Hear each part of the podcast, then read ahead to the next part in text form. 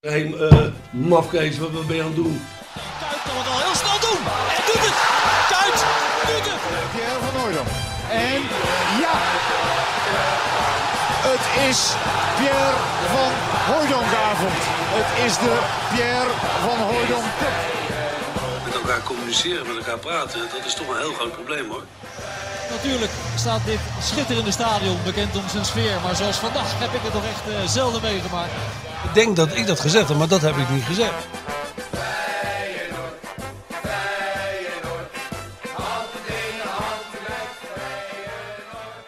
Dik voor elkaar Feyenoord podcast, aflevering 14. De vuurtoren in uh, dichte mist, de vaste prik op uh, dinsdag met een uurtje, misschien iets langer, over Feyenoord praten met uh, Skeeter Sjoertje voor de techniek. Michel is er. En een speciale gast vandaag, uh, Raymond Sluiten. Maar voor we daar gaan beginnen wil ik toch eventjes nog terugkomen, want ze is er. Tenminste. Ja, ja de, de ster van de show. De, de, luisteraars die nu gespannen op de bank zitten kunnen rustig, uh, rustig gaan zitten. Ze is er, Dizzy. Ja, en ik, nou. ik, kwam aanlopen met dat bot. En alsof er niks aan de hand is, hè, kwam ze alweer van... Uh, geef een... dat bot maar en bemoei je verder nergens mee. Ja, gaat er wel een beetje vanuit uh, dat jij klaar staat met dat bot. En dat is wel een beetje het hoogtepunt ook van de middag voor Dizzy. Kon Richard Groenendijk niet vandaag? Nee, maar uh, af en toe een uitstapje, dat moet kunnen toch. Dat gunnen we Dizzy. Die wordt ook een beetje moe van dat gewauwel van ons over Feyenoord. Want het is de ene week Hosanna. En een week later zit je weer naar elf mummies te kijken. Dus Dizzy snapt dat ook is niet waar, ja. nou, ik, We kregen gisteren toevallig van die... Uh, onderzoeksresultaten van die hele moeilijke tabellen en grafieken van uh, waar, uit welke leeftijdscategorie bestaan nou je luisteraars en hoeveel procent is man, vrouw. Ja. En dat was uh, keurig zo uh, gerangschikt, maar er stond ook een categorie non-specified bij. Ja. Dan vraag ik me wat zijn dat dan? Ajax supporters denk ik. Ja, hè? Dat denk ik. Dan zijn we schijnen wel heel populair te zijn, maar ik denk zouden ook honden luisteren dan? Ik, ik denk, ja, dat, dat, sluit ik niet uit. En nu dat Dizzy zo, zo ja prominent aanwezig we is. We kunnen vragen aan Raymond of Poekie ook uh, meeluistert. Ja, Poekie is vervent luisteraar van, uh, van deze podcast. Zeker, ja. Maar die is wel blij dat het een keertje ook een klein beetje over tennisballen gaat. Want zo'n uh, zo'n voetbal is natuurlijk toch lastig in je bek stoppen. Dat ja. is waar, ja. ja. Nou, leuk dat je er bent. het heeft even geduurd. En het, het, grappige is eigenlijk wel dat, dat we jou natuurlijk ook nog gevraagd hebben om, om wekelijks aan te sluiten in, in, in deze podcast. Nou, laat ik in het midden wie er nou eerste keuze was. Ja. Ja. Hè, snap je? Tussen, tussen jullie twee. Nou, dat maakt ons niks uit. Ik Nee, zou ja. mijn plek heel graag afstaan aan iemand die er echt verstand van heeft. Echt verstand van voetbal Ja. heeft. nou, dat, dat zullen we nog wel even zien na dit uurtje. Nee, maar goed, jij moest erover nadenken. Toen besloot je toch nog weer de wereld over te trekken om eh, een tennister te coachen. Hè? Zo was het Ja. toch afgelopen zomer? Ja, en die stopte twee maanden later. dus, eh, toen zat ik ja, toen ben ik natuurlijk echt gewoon twee maanden lang ben ik er doodziek van geweest dat ik geen ja heb gezegd tegen, tegen deze podcast. En eh, ja, ik ben blij dat, eh, dat ik in ieder geval een keertje aan mag schuiven. Nou, dat, is, eh, dat mag je zeker zijn. Je hebt natuurlijk op, eh waar heb je niet gestaan? Hè? Wimbledon, Roland Garros, Flushing Meadows, allemaal centercourt. Ja. Maar ja, dit telt toch ook, denk ik. Ja, ja, als ik straks een lijstje moet maken van uh, hoogtepunten, dan moet ik gaan eh, schrappen inderdaad. Want deze krijgt daar, een, eh, krijgt daar natuurlijk een mooi plekje in. Ja, Skeeter Sjoerdje lach, maar het is serieus, Sjoerd. Ja.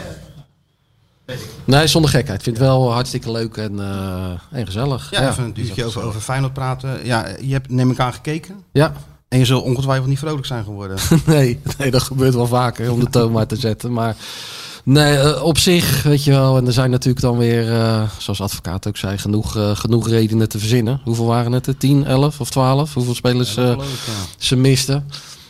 Maar dan nog, weet je, als je daar dan zit te kijken en echt ja, als supporter gigantisch blij moet zijn dat je in eigen kuip, wat natuurlijk allemaal wel even anders is omdat er geen mensen zitten, maar toch verschrikkelijk blij moet zijn met een punt tegen Utrecht. En dan ja, kan je zeggen, Utrecht, Utrecht toch ook een goede club. Ja, die spelen ook nog niet zo geweldig dit seizoen. Dan, eh, ja, dan is het wel weer een, eh, een tikkie in de rij van velen. Ja, het is wel opvallend, vind ik dan. Kijk, Utrecht had natuurlijk gewoon moeten winnen. Als je Ja. die kansen telde, ook voor de rust. Hoe vaak hebben ze al niet alleen voor die keeper gestaan. Maar dit- blijkbaar heeft Feyenoord zich toch een soort ja, karakter eigen gemaakt... Dat ze, dat ze op een of andere manier niet kunnen verliezen of weigeren te verliezen. Ja, nou ja, dat lijkt... Bestaat dat in, in, in sport, denk jij? Nou ja, op, eh, hoe meer je wint, eh, hoe meer zelfvertrouwen je krijgt. En dan als je dan ook nog een beetje geluk erbij hebt hier en daar, moet je eerlijk zeggen dat ik zelf. Ik, ik word wel een beetje moe van het feit van eh, Feyenoord al zoveel wedstrijden achter elkaar ongeslagen.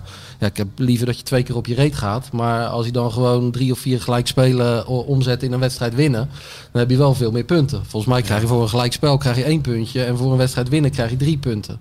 En daar wordt dan wel heel erg aan, voor mijn gevoel, aan vastgehouden. Maar we moeten wel. Het is een Moeten beetje. Het is, Nee, dat is heeft ook denk zo. ik ook te maken met. Het is een beetje een kreet dat Feyenoord is een ploeg die weigert te verliezen. Dat is, dat is een kreet uit 1999. Hè? Volgens mij heeft Freek de Jonge dat toen ooit een keer gezegd in, in, een interview in aanloop naar het kampioenschap toen. Hè? Dat Feyenoord een ploeg was die weigert te verliezen. En volgens mij wordt dat nu opgerakeld, die kreet. Ja. Zodat we een beetje het gevoel van 99 krijgen. Maar ik vind dat helemaal niet met elkaar te vergelijken. Nee, jaar vind ik helemaal niet. Want Nou, toen had je echt het gevoel. eh, kijk, nu heb je elke keer. eh na elke keer dat ze niet verliezen, denk je van volgende week. Dan gebeurt het. Het hakblok voel je gewoon hangen boven, boven dat elftal. Jij is toch zo? En in 99 was het precies andersom. Speelden ze ook helemaal niet zo goed. Maar dan wist je gewoon. Er komt waarschijnlijk in de 89ste minuut een heel gemeen intikkertje van Kroes. En dan zit hij erin. En daar, daar bouw je wel zelfvertrouwen mee op. Maar met dit bouw je toch geen zelfvertrouwen op. Elke week maar eh, zien waar het schip stroomt. Zeker. Nou, zo ernstig is het toch ook weer niet. Gevoel, gevoel liegt voor mij niet. Weet je, ik heb niet. eh, eh, ik pretendeer niet heel veel verstand van, van voetbal te hebben. Maar gevoel liegt niet. Weet je wel, het laatste jaar dat, dat Feyenoord kampioen werd. Daarin zaten volgens mij echt 15 wedstrijden. Waarbij het ook 1-0 was. En dat we 1-0 voor stonden dan. En dan was er nog een kwartier of 20 minuten te spelen. En dan zat ik gewoon relaxed. Zat ik op de bank. Had ik gewoon het gevoel van. Ja, deze wedstrijd wordt gewoon 19 van de 20 keer wordt hij over de streep gehaald. Nu, weet je, zit je iedere keer weer, zoals Ja. het natuurlijk zo vaak eh, is, zit je, zit je billen te knijpen. En, en wat je zegt is terecht, vind ik. Het is natuurlijk gewoon een kwaliteit. Als je zoveel wedstrijden niet verloren hebt, Tuurlijk. dan heb je, dan heb je het gewoon goed gedaan. Weet je, Het is waarschijnlijk knapper dan eh, toen. Eh, want toen was het elftal beter, in, Ja. bijvoorbeeld in Ja, 99. ja. Het Nou is ja, veel knapper. knapper nu, maar je zit niet zo relaxed. Kijk, toen met, onder de- dat elftal met Beenhakker en Kroes en zo, waar, waar dat ontstaan is... Toen kreeg je echt op een gegeven moment een gevoel van... eh, dat maakt eigenlijk niet uit, je hoeft niet meer te kijken. Ze winnen toch wel met 1-0. Ja, dat Weet was je wel. Raymond zegt drie jaar geleden ook natuurlijk. Ja, ook, ja. Ja. Maakten ze hem nog even op het einde, Zwolle Ja. uit gelijk, weet ik het. Weet je Dat, wel, dat, soort, heb je nu toch niet. Nee. Waar ik dan wel benieuwd naar ben, jij bent coach, hè? Na je Ja. actieve carrière ben je coach geworden. En wat is nou de rol, denk jij dan, die, die een coach in zo'n proces eh, speelt? Of is het ook gewoon het ene succes, of succes dus aanleidt, dat je leidt gewoon tot het andere? Ja, dat denk, ja ik, ik vind dat heel moeilijk om, eh, om te vergelijken. Omdat je natuurlijk eh, bij Feyenoord zit je met een coachingstaf. En daarin worden de, worden de taken een beetje verdeeld. Ik heb te maken gehad met eh, in mijn geval eh, één speelster. En daar kan ik me continu op focussen. Zij moeten zich met een staf moeten ze zich focussen op 25 man plus nog eens een keer de rest van de staf. Maar als klein voorbeeldje aan mag eh, halen. Ik ben dan bijvoorbeeld wel heel benieuwd hoe nou ja, Jurgensen werd eraf gehaald eh, afgelopen zondag. Of dat van tevoren besproken is. En waarom hij eraf gehaald wordt. Wordt hij eraf gehaald omdat hij zich niet aan de afspraak heeft gehouden? Weet je, gisteren hoorde ik ook bijvoorbeeld Hans Kraaij zeggen... ja, die Jurgensen die doet gereed en eh, die beweegt veel te weinig. Ja, als advocaat zegt van... blijf jij maar gewoon staan en ik wil niet dat je te veel sleurt... omdat je je energie moet bewaren voor die paar kansen. Ja, dan kan Kraaij dat wel mooi roepen. Maar dan houdt hij zich gewoon aan de afspraak. Eh, maar ja, waarom haal je hem er dan vijf minuten voor tijd uit? Is dat een signaal naar een speler die al een, vrij gebroken eh, indruk eigenlijk maakt? Dan denk ik, laat die gozer staan. Want hij mag, volgens mij mag die donderdag mag die ook niet spelen. Is die geschorst, dacht ik. Weet je, ja, als, als je dan nog iets van hem verwacht... Ja, dan zou ik eerder denken, laat hem staan. Want op het moment dat hij eventjes, al, al is het met, met de zijkant van zijn knie tegen een bal aanloopt en dan loopt hem erin, dan is die gozer wel weer twee stappen verder. Dus ik ben heel benieuwd hoe zo'n, wat er aan vooraf gaat, dat advocaat beslist eh, vijf minuten voor tijd van oké, hij gaat eraf. Of dat het gewoon dag bij dag kijken is en Jurgensen speelt gewoon niet goed en hij raakt ze niet. Laten we die andere gozer maar eens een dat, keer... dat, dat laatste is het. Ja, en dat vind ik, weet je wel, als, als, als dat het is, ja, dan vind ik het als, als coach zijnde, en dan kan ik dat puur in dit geval even vergelijken, ja, vind ik dat heel sumier. Als hij nou gewoon van tevoren weet van, hé, als je het niet goed doet, ga je eraf. Eh, omdat je, nou ja, in dit geval is het dan niet zo, omdat, je, omdat ik je de volgende twee wedstrijden nodig heb. Dan is het duidelijk, dan krijg je niet zoveel van dat gezeik. En nu was het ook weer hand erop en was het ook over. Maar de duidelijkheid daarin en ook gewoon, wat, wat ga je willen met, met Het kan, Jurgensen? het kan ook niet zijn dat hij, dat hij zoveel vertrouwen heeft in zijn vervanger. Het is ook niet zo dat je een erkende eh, eh, stormram op de bank hebt Nee, zitten die niet. bewezen heeft dat hij de laatste vijf minuten Nee. de wedstrijd kan beslissen. Nee. Je hebt iemand zitten over wie je drie weken daarvoor nog zei dat hij er niet thuis hoort. Ja. Gewoon ergernis. Je hebt, Ja, ergernis. natuurlijk 85 minuten naar zitten kijken, advocaat. En Ja. dacht van, hij doet weer niks, dus ik haal hem er gewoon uit. En je, hij zegt, ja, de kans dat hij dat nog een keer een teetje of een doelpuntje maakt, ja, natuurlijk Ja. de laatste weken gekeken. Maar, En eh, de kans is- groter die- dat hij de staatsloterij wint. Maar- dan dat dat gebeurt. Maar is die wissel nou bedoeld om eh, Dick van zijn ergernis, eh, van, van zijn ergernis af te helpen? Of, of is het bedoeld als een soort signaal waar de jongen iets mee kan? Want nu zie je eigenlijk alleen maar negatieve gevolgen ervan, denk ik, bij Jurgensen. Ja? Ik kan me niet voorstellen dat, hier, dat Jurgensen Ja. hier één positief iets uit kan halen. Nee, niet, nee, niks. niet in de fase waarin hij, eh, Nee. waarin hij zit. En ook hoe je, het al, hoe je het al gezien hebt. Dus dan snap ik. En dan op basis van ergernis. Als die ergernis gebaseerd is op afspraken die je gemaakt hebt. En die Jurgensen niet nagekomen is in het veld. maar die dan snap ik het. Die ergernis van Dick Advocaat, die is grotendeels, heb ik het altijd het idee, is gebaseerd op die hangende schouders van Jurgensen. Ja. En, en het feit dat, dat, Ja. dat Jurgensen in zijn hele doen en laten het, het tegenpool is van wat Dick Advocaat als voetballer was. Eh, en dat soort dingen spelen er volgens veel meer emotie bij, de, bij, bij Advocaat dan, eh, dan dat er nou een strijdplan maar als je nou al een Feyenoord heeft wat er heel veel spelers mist. En dan verwacht je toch van, eh, van een van je meest ervaren spelers. Want dat is Jurgensen natuurlijk. Die werd gewoon kampioen. Goed jaar gedraaid.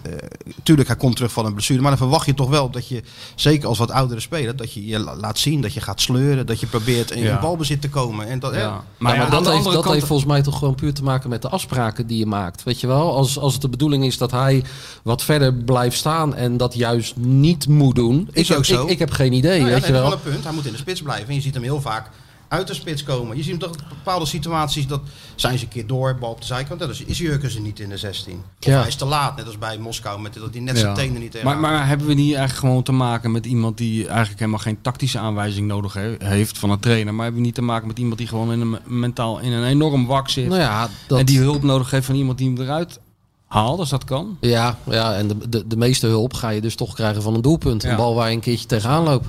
Wij hebben het, eh, en, en dan met wij bedoel ik nou ja, een aantal jaar geleden met, eh met Guidetti. Ja, die was de eerste maand, was, die, die gozer was doodongelukkig in Rotterdam. En toen hebben, eh, en Jurgensen zit hier al veel langer, dus de situatie is niet echt vergelijkbaar. Maar toen hebben De Vrij en Vlaar, en nou ja, dat, zijn, dat zijn vrienden van me. Die gasten hebben iedere week zoiets van, nou ja, weet je, we gaan, Zeker even, we gaan even bowlen met hem. We gaan even tennissen met hem. We Ja. gaan even golven met hem. Pleur is hekel aan golven, maar Ja. oké, vooruit. Weet je, eh, die gozer is niet daardoor ineens ballen erin gaan schoppen. Nee. Maar die is zich wel, heel- iets lekkerder gaan voelen. Ja. Eén of twee ballen erin gaan schoppen. Tuurlijk is de kwaliteit. Die is er bij Jurgensen ook. Anders heeft, kan hij niet laten zien wat hij in een kleine fase heeft laten zien. En dan kan het ineens kan het, eh, eh, kan het wel gaan lopen. Het is wel een groot verschil hoor, want Guidetti kwam binnen en die heeft ook werkelijk helemaal niks van Jurgensen. Die kwam binnen, nog nooit de wedstrijd in het eerste gespeeld. En die zei dat ze kampioen gingen worden. Ja. Ging de Ja. muziek in de kleedkamer bepalen. Eh, ging bij NAC uit, toen hij in moest vallen, ging hij naast Koeman al staan. Kan je dat nog herinneren? Ja. Ging hij aanwijzingen lopen geven Ja, hoe het moest. ja. Hij kwam in het veld, er was een penalty en hij stuurde iedereen weg. Zijn Ja. allereerste wedstrijd. Ja. Ik neem die penalty en ging Ja. zo met zijn Ja. hand achter zijn oren naar het NAC-publiek staan. Ja, heerlijk. Ja, Ja. dat is toch iets anders dan, Ja. eh, dan, dan ja, deze ja. ding. Ik, dat- ik moet opeens denken zo. aan eh, wat Ray zegt, even tussendoor, aan eh, van die spelers. Dat vind ik wel goed, weet je wel. Van die spelers die, die dus aanvoelen dat iemand niet lekker in zijn vel zit. En dan geven we hem even een zetje in een nieuw land. We helpen hem even. Ja. Maar dat hebben we toen met Feyenoord TV ook een keer geprobeerd met die eh, Koreaan, eh, weet je wel, die Chong Guk Song. Kan je dat nog herinneren? Eh, daar ben ik dus een keer thuis geweest bij die. Die woonde dus in een huis. Dat was helemaal gevuld met antiek. Vond ik ook goed voor een voetballer. In plaats van, meestal als je bij voetballers thuis komt, weet je, ja, het is helemaal wit. Een bank, hele grote televisie en dan zo'n salontafel met 700 afstandsbedieningen en een Playstation. En foto's van zichzelf. En foto's van zichzelf en shirtjes van zichzelf. Maar dit was, een, dit was waanzinnig. Moest van die slofjes aan. Hij, hij had ook hele vieze Koreaanse drank gemaakt die we allemaal op moesten drinken. Maar anyway, hij moest ook even worden gereanimeerd. En dat ging dan eh, Glenn Lovens doen. En wij, en wij, en wij gingen met een camera mee, weet je wel. Dus ehm, wij gingen naar de Euromast. Ja, ja, je moet ergens Ja. beginnen, toch? zeker wel. Altijd Geen- die hoor. Geen slecht begin. Nee. Dus eh, die Chongkook Song die staat er eh, met, eh, met een beetje hoogtevrees over die balustrade te kijken en zo. En eh, Glenn die zegt nou daar ligt dit en daar ligt dat. En we vragen en Glenn lukt het een beetje. Dus sprak Glenn de legendarische zin. Hij weet niet eens waar Krooswijk ligt.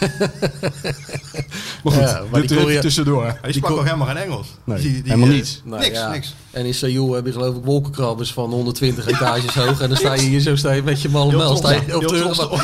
Sta je op de Euromast. Ja, dat is nou? mooi, ja. Feyenoord, het nou? Ja. Feyenoord heeft ook een keer zo'n Egyptenaar gekocht, die Haitham Farouk, weet je wel. Die kwam uit Alexandrië of zo, zo'n zo, zo'n stad met 30 miljoen inwoners. En eh, die, heb, die, die hebben ze toen, wat, wat, daar had Feyenoord voor het eerst sinds tijden eens over nagedacht. Die dachten van ja, als we die jongen in Barendrecht in zo'n rijtjeshuis zitten, dan gaat het fout. Dus die had een oom, die jongen, en die had een hotel in het centrum van Amsterdam. Maar echt bij, bij het Leidseplein of zo. En, Maar ook niet heel slim, maar... ja, nou, wat hadden ze Oké. doe maar bij die oom en die zat helemaal in zo'n Eg- Egyptische eh, eh, community, weet je wel. Dus Ja, dan ja. is hij een beetje op zijn gemak. En eh, nou, de jongen die had, ze- was daar ingecheckt en die was het Leidseplein opgelopen. En die zei toen tegen zijn oom, waar is hier eigenlijk het centrum? Ja, dat is wel mooi, die spelers. Elke speler heeft dan zijn eigen gebruiken of zo, die hij dan toch meeneemt Ja. als hij dan in het buitenland gewoon. Als je bij Kalou bijvoorbeeld binnenkwam, nou, dan kreeg je gewoon een klap in je gezicht. Daar stond gewoon de thermostaat op, op, op, op 45. Ja. En dan had hij het nog koud. Ja, ik vind het inderdaad, nou ja, jij geeft dan een voorbeeld net van die Egyptenaar waar, waar er dan een beetje over nagedacht is. Maar ja, weet je wat ik de laatste jaren toch wel gehoord heb? Dat een speler gehaald wordt en dat hij eigenlijk drie hoog achter Ja. maar wel in een, in een redelijk appartement weggezet wordt. En eh, misschien wordt er nog net een, eh, een platte grond van de stad eh, eh, op het tafeltje neergelegd. Maar dat is het wel. Ja, weet je, iedereen moet zich eh, goed voelen om, om langere tijd eh, goed te presteren. Ja, maar dat is heel raar van die clubs. Ze, ze, ze besteden ontzettend veel geld. eh, soms aan, aan de aankoop, weet je wel. En dan het, soms, soms gaan ze wel eens tien keer kijken en zo. En dan is hij daar eenmaal. En dan Ja. één keer, omdat toevallig eh, die jongen geblesseerd is... Of, of zijn moeder is overleden in zijn eigen land... of er is iets ergs gebeurd, raakt hij één bal verkeerd. Afgeschreven, niet geschikt. Ja, Volgende. Ja, ja, ja, ja. Senesi kon er ook geen reet van, hè? Na die, eh, Ja, dat was de Emmer. Nee, maar goed, die heeft Ja, de maar die heeft, kans. ook niet, die heeft natuurlijk ook niet makkelijk nu in coronatijd. Die zit hier, zijn vader is hier Ja. nu. Dat is natuurlijk nog wel wat voor hem. Maar verder moet je het dan ook maar uitzoeken in, Ja. een, in, een, in een vreemd land. Met, eh, Ik ben wel eens in het appartement van. Dennis Kloejev geweest. Toen die was neergezet daar op het Zuidplein. En die had dan, dat was ook heel, heel triest eigenlijk. Die had dan eens zo'n poster van Feyenoord zelf. Die zat gewoon bij de eerste. Hij had een poster hangen. En dan had hij dus in het Russisch en in het Nederlands had hij de namen van de spelers erbij gezet. Gaston en eh, John en Henk en Ed en dit en dat. En dat ging helemaal niet met die jongen. Weet je wel, dat liep helemaal verkeerd af. Toen was ik drie, twee jaar later weer in dat appartement. En toen was het nog precies hetzelfde. Oh ja? Nog steeds zo'n één bank, een zootje afstandsbedieningen en die Ja. poster met die namen. Was niets Het veranderd. balletje liggen ook dat balletjes nog. Ja. Waar ze nog even mee tegenaan kunnen schieten. en zo. Kijk, zo, Somalia die woonde in zijn appartement. Ook. Tussen allerlei andere mensen. En die had gewoon, zoals een rechtgeaarde Braziliaan, had wel eens zin om om half vier s'nachts een beetje muziek te maken. Dus die pakte gewoon zijn tamboerijn en zijn trommels en die ging beginnen. Om half vier s'nachts. Tussen al die Nederlanders. Ze wonen die ook allemaal- zeven op moesten. Dat is ook goed allemaal. Ze wonen ook allemaal bij elkaar. Ja, goed Ik weet dat. Fred Rutte de deur open deed. En die keek recht in het gezicht van Bilo Bassassikoglu. Ja? Dat was zijn buurjongen. oh Ja, ja? die moest dan een paar etages naar beneden. Want dat, eh, dat, eh, dat kon niet. Ja, bij, Gi- bij Gian kom je soms binnen. Er is een hele Ghanese kerkdienst aan de gang in dat huis. Ja. Er zijn gewoon twintig mensen op een klapstoel. En eh, iemand in een, een of ander gewaad met de Bijbel in zijn hand. En Chris. En, eh, Chris ja, Prevelt wat. Echt goed. Nou hebben wij het over verdieping in de speler eh, meer als mens, wat hij er buiten doet. Maar ja, als je natuurlijk af en toe de geluiden hoort, de, primair de, de voetbalkwaliteiten. Ja, als daar al niet goed, als daar al regelmatig niet goed op gescout wordt, ja. dan snap ik ook wel dat ze niet nadenken van, goh, die gozer vindt lekker om muziek te spelen of die vindt het lekker om in Nee. die buurt te zitten. En dat vind, ja, ik vind dat echt, wat je net toch? al zei, als er zoveel geld in omgaat, ja. eh, en je zoveel moeite doet om iemand naar je toe te halen. Wat je daar dan vervolgens aan energie instopt om het maximale Ja. uit die persoon te halen. En natuurlijk zal het gigantisch moeilijk zijn, omdat je dus met, met veel spelers Ja, eh, te ja. maken hebt. Maar dan Ja. denk ik van, ja, daar is in ieder geval nog wel een eh, behoorlijke, eh, behoorlijke weg te winnen. Weet, je wie dat zou gek. goed, weet je wie dat heel goed zou kunnen? Dat, Nou? wat jij, ja, jij. ja, ja. Dat zou nou echt Ja. een baan voor jou zijn. ja. Jij snapt die sporters. Jij hebt ook de leeftijd. weet je wel? Eng- Engelen geduld heb ik heel vaak Je hebt engelen geduld. Jij kan met Kiki Bertens gewoon de hele wereld over. Jij wil de gezeur aanhoren en dan nog laten presteren.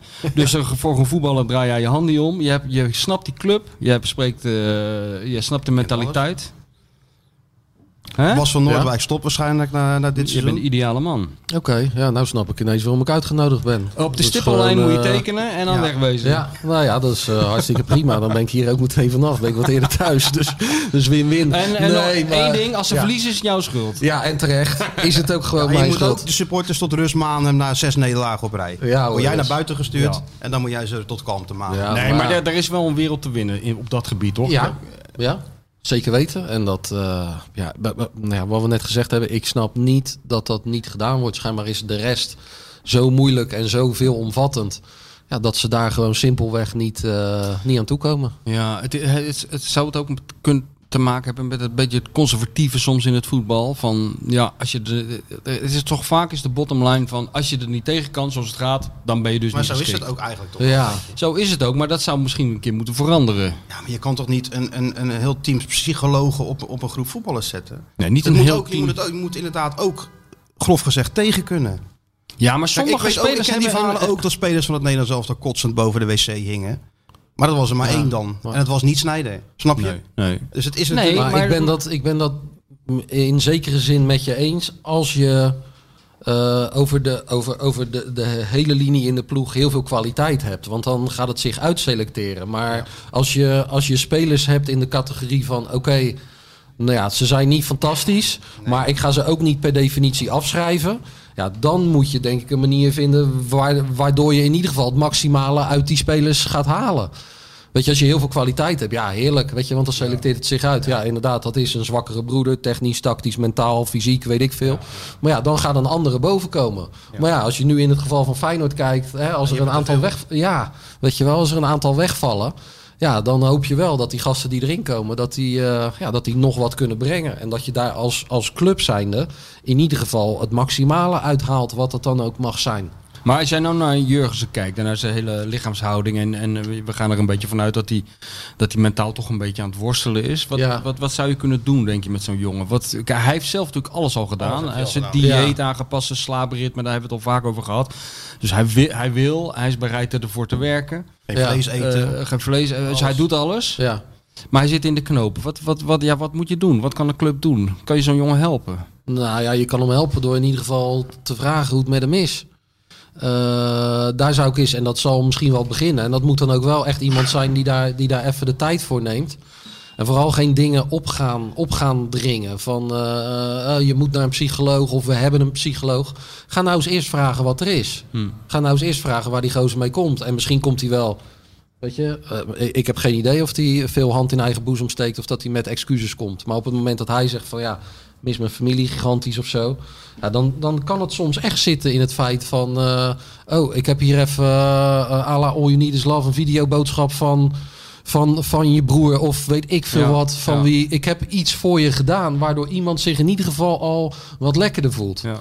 Weet je, en het klinkt zo lullig dat soort dingen en dat soort simpel. Maar dan kan het prima zijn dat hij de volgende dag op de training... dat hij net weer een stapje meer doet. Oh. Weet je, en Jurgensen, we ver- vergeleken hem net, of dat, kwam door mij een klein beetje met Guidetti. Dat kan je inderdaad niet doen. Maar in de fase dat hij wel meer ballen erin trapte, is het ook niet iemand die de hele boel bij elkaar schreeuwt. Nee. Weet je wel, dat is natuurlijk ook gewoon gewoon wel, ook wel gewoon wie, wie hij, het is wie gewoon een hij is. gozer. Dus echt, Ja. echt een aardige gozer. Altijd relaxed, weet je Ja. wel. Ook met interviews, nooit moeilijk. Ja. Ook wel, een, Nee, maar hij ook, zit ook nu- wel wat te vertellen. Ja. Dus het is En dan wel, is, eh, dan is de populaire tekst van, ja, met aardige gasten win je de Ja. oorlog niet. nou, daar kun weet je wel. mee dempen, hè? Ja, hier. weet je, Ja. Roger Federer en Rafael Nadal zijn wereldgasten. En zijn gewoon al eh Ja, 15... maar niet op het, niet op het centercourt, lijkt me. Eh, niet aardig. ze jou een gamepje? Als Maar, even- maar ook niet, nou ja, Federer heeft me er wel een paar gegeven. Want anders weet ik niet hoe, hoe, raar, hoe raar ik over ben. Ja, ik heb dat toevallig, ik me natuurlijk, voorbereid. Eh, Dus ik ga even een paar beelden kijken van, eh, van, eh, van Sluiten. Nou, heb ik de beelden gezien in Rotterdam, 2003, dat je tegen Federer speelde. Davis Cup volgens mij. Eh, nee, dat was eh, in het Gelredome in 2001. Ja, maar 2003 ook in Rotterdam. Nee, zeker. nee, nee, nee. Davis Cup, Oh, dat, dat staat dus verkeerd op YouTube. Dat kan. Ga je nou ook nog een tennispodcast doen? Of, eh? Nee, maar ik, ik zeg... Nee. 2003 heb ik, in, heb ik in Ahoy finale gespeeld. Dat jaar heb ik niet tegen Federer gespeeld. Eh, 2001 eh, was het jaar dat we...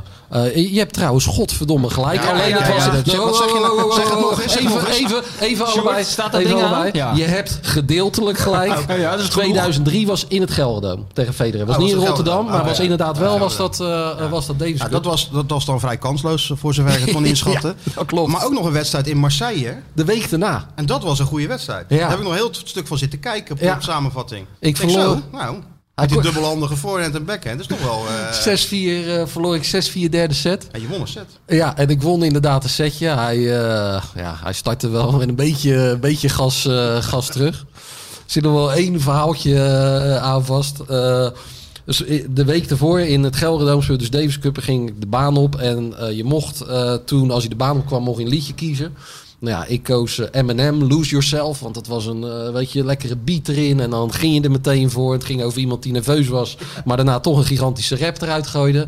Nou ja, dat, hè, ik, ik vond het wel mooi. Dus ik kwam met dat nummer op. Hij kwam daarna op met een ander liedje. Eh, nou ja, en ik werd inderdaad gigantisch geslacht thuis hè, in het Gelredome. Echt op een snel Je baantje. niet eens slecht. Ik- zei zelf nee. ook. Ten afloop zelf ook. Gewoon, weet je, dat was echt het eerste moment dat ik echt dacht van... Ja, dit is echt buiten categorie. Want het was wel de beste periode uit mijn carrière. En dan kon ik best wel met wereldtoppers... Van Leighton Hewitt gewonnen. Die was op dat moment nummer één. Dus ik kon, ik kon best wel wat. Ik kon het best wel inschatten. Gewoon zwaar tennisles. Week daarna in Marseille zitten we in de kleedkamer. En ik ben altijd wel oké met hem geweest. Het is ook niet zo dat je dan eh, drie kwartier voor de wedstrijd... eh, hij in een andere kleedkamer en ik. Dus je zit gewoon in dezelfde kleedkamer. En ik eh, zit met een muziekje op en ik zit uh, grippie om mijn rekken te draaien. En hij, hij wenkt me zo een half uurtje voor die wedstrijd. Dus ik doe het ding af. Hij zegt, is that eh, Eminem eh, you are listening to? Ik zeg, fuck you Roger, fuck you. Weet je, vond ik, vond ik wel mooi. Zo is hij dan, zo is hij dan ook wel. Ja, ja, ja. Hij speelt altijd de perfect gentleman. Ja. Maar als hij even ergens Even een een kan klein steekje uit kan delen, dan doet hij dat ook wel goed weer. Dus dat dat. was wel... eh, ja, dus dat was wel, eh, dat was wel mooi. Ja. Maar die gasten zijn natuurlijk eh, mentaal, Nadal, hij, die zijn natuurlijk gewoon, dat kan niet anders dat die ijzersterk zijn. Ja, ja, die gasten zijn bizar sterk. En daar is gewoon. Weet je, dat, vergeet, dat vergeten we, we als fans, en daar reken ik mezelf toe, ook bij voetbal wel eens. Je, als jij eh, CEO van ABN AMRO wil worden, of je wil president van Nederland worden, dan heb je 30 of 40 jaar om, om informatie in te winnen en om ervaringen in te winnen. Ja, in een profcarrière in het voetbal geldt hetzelfde in tennis.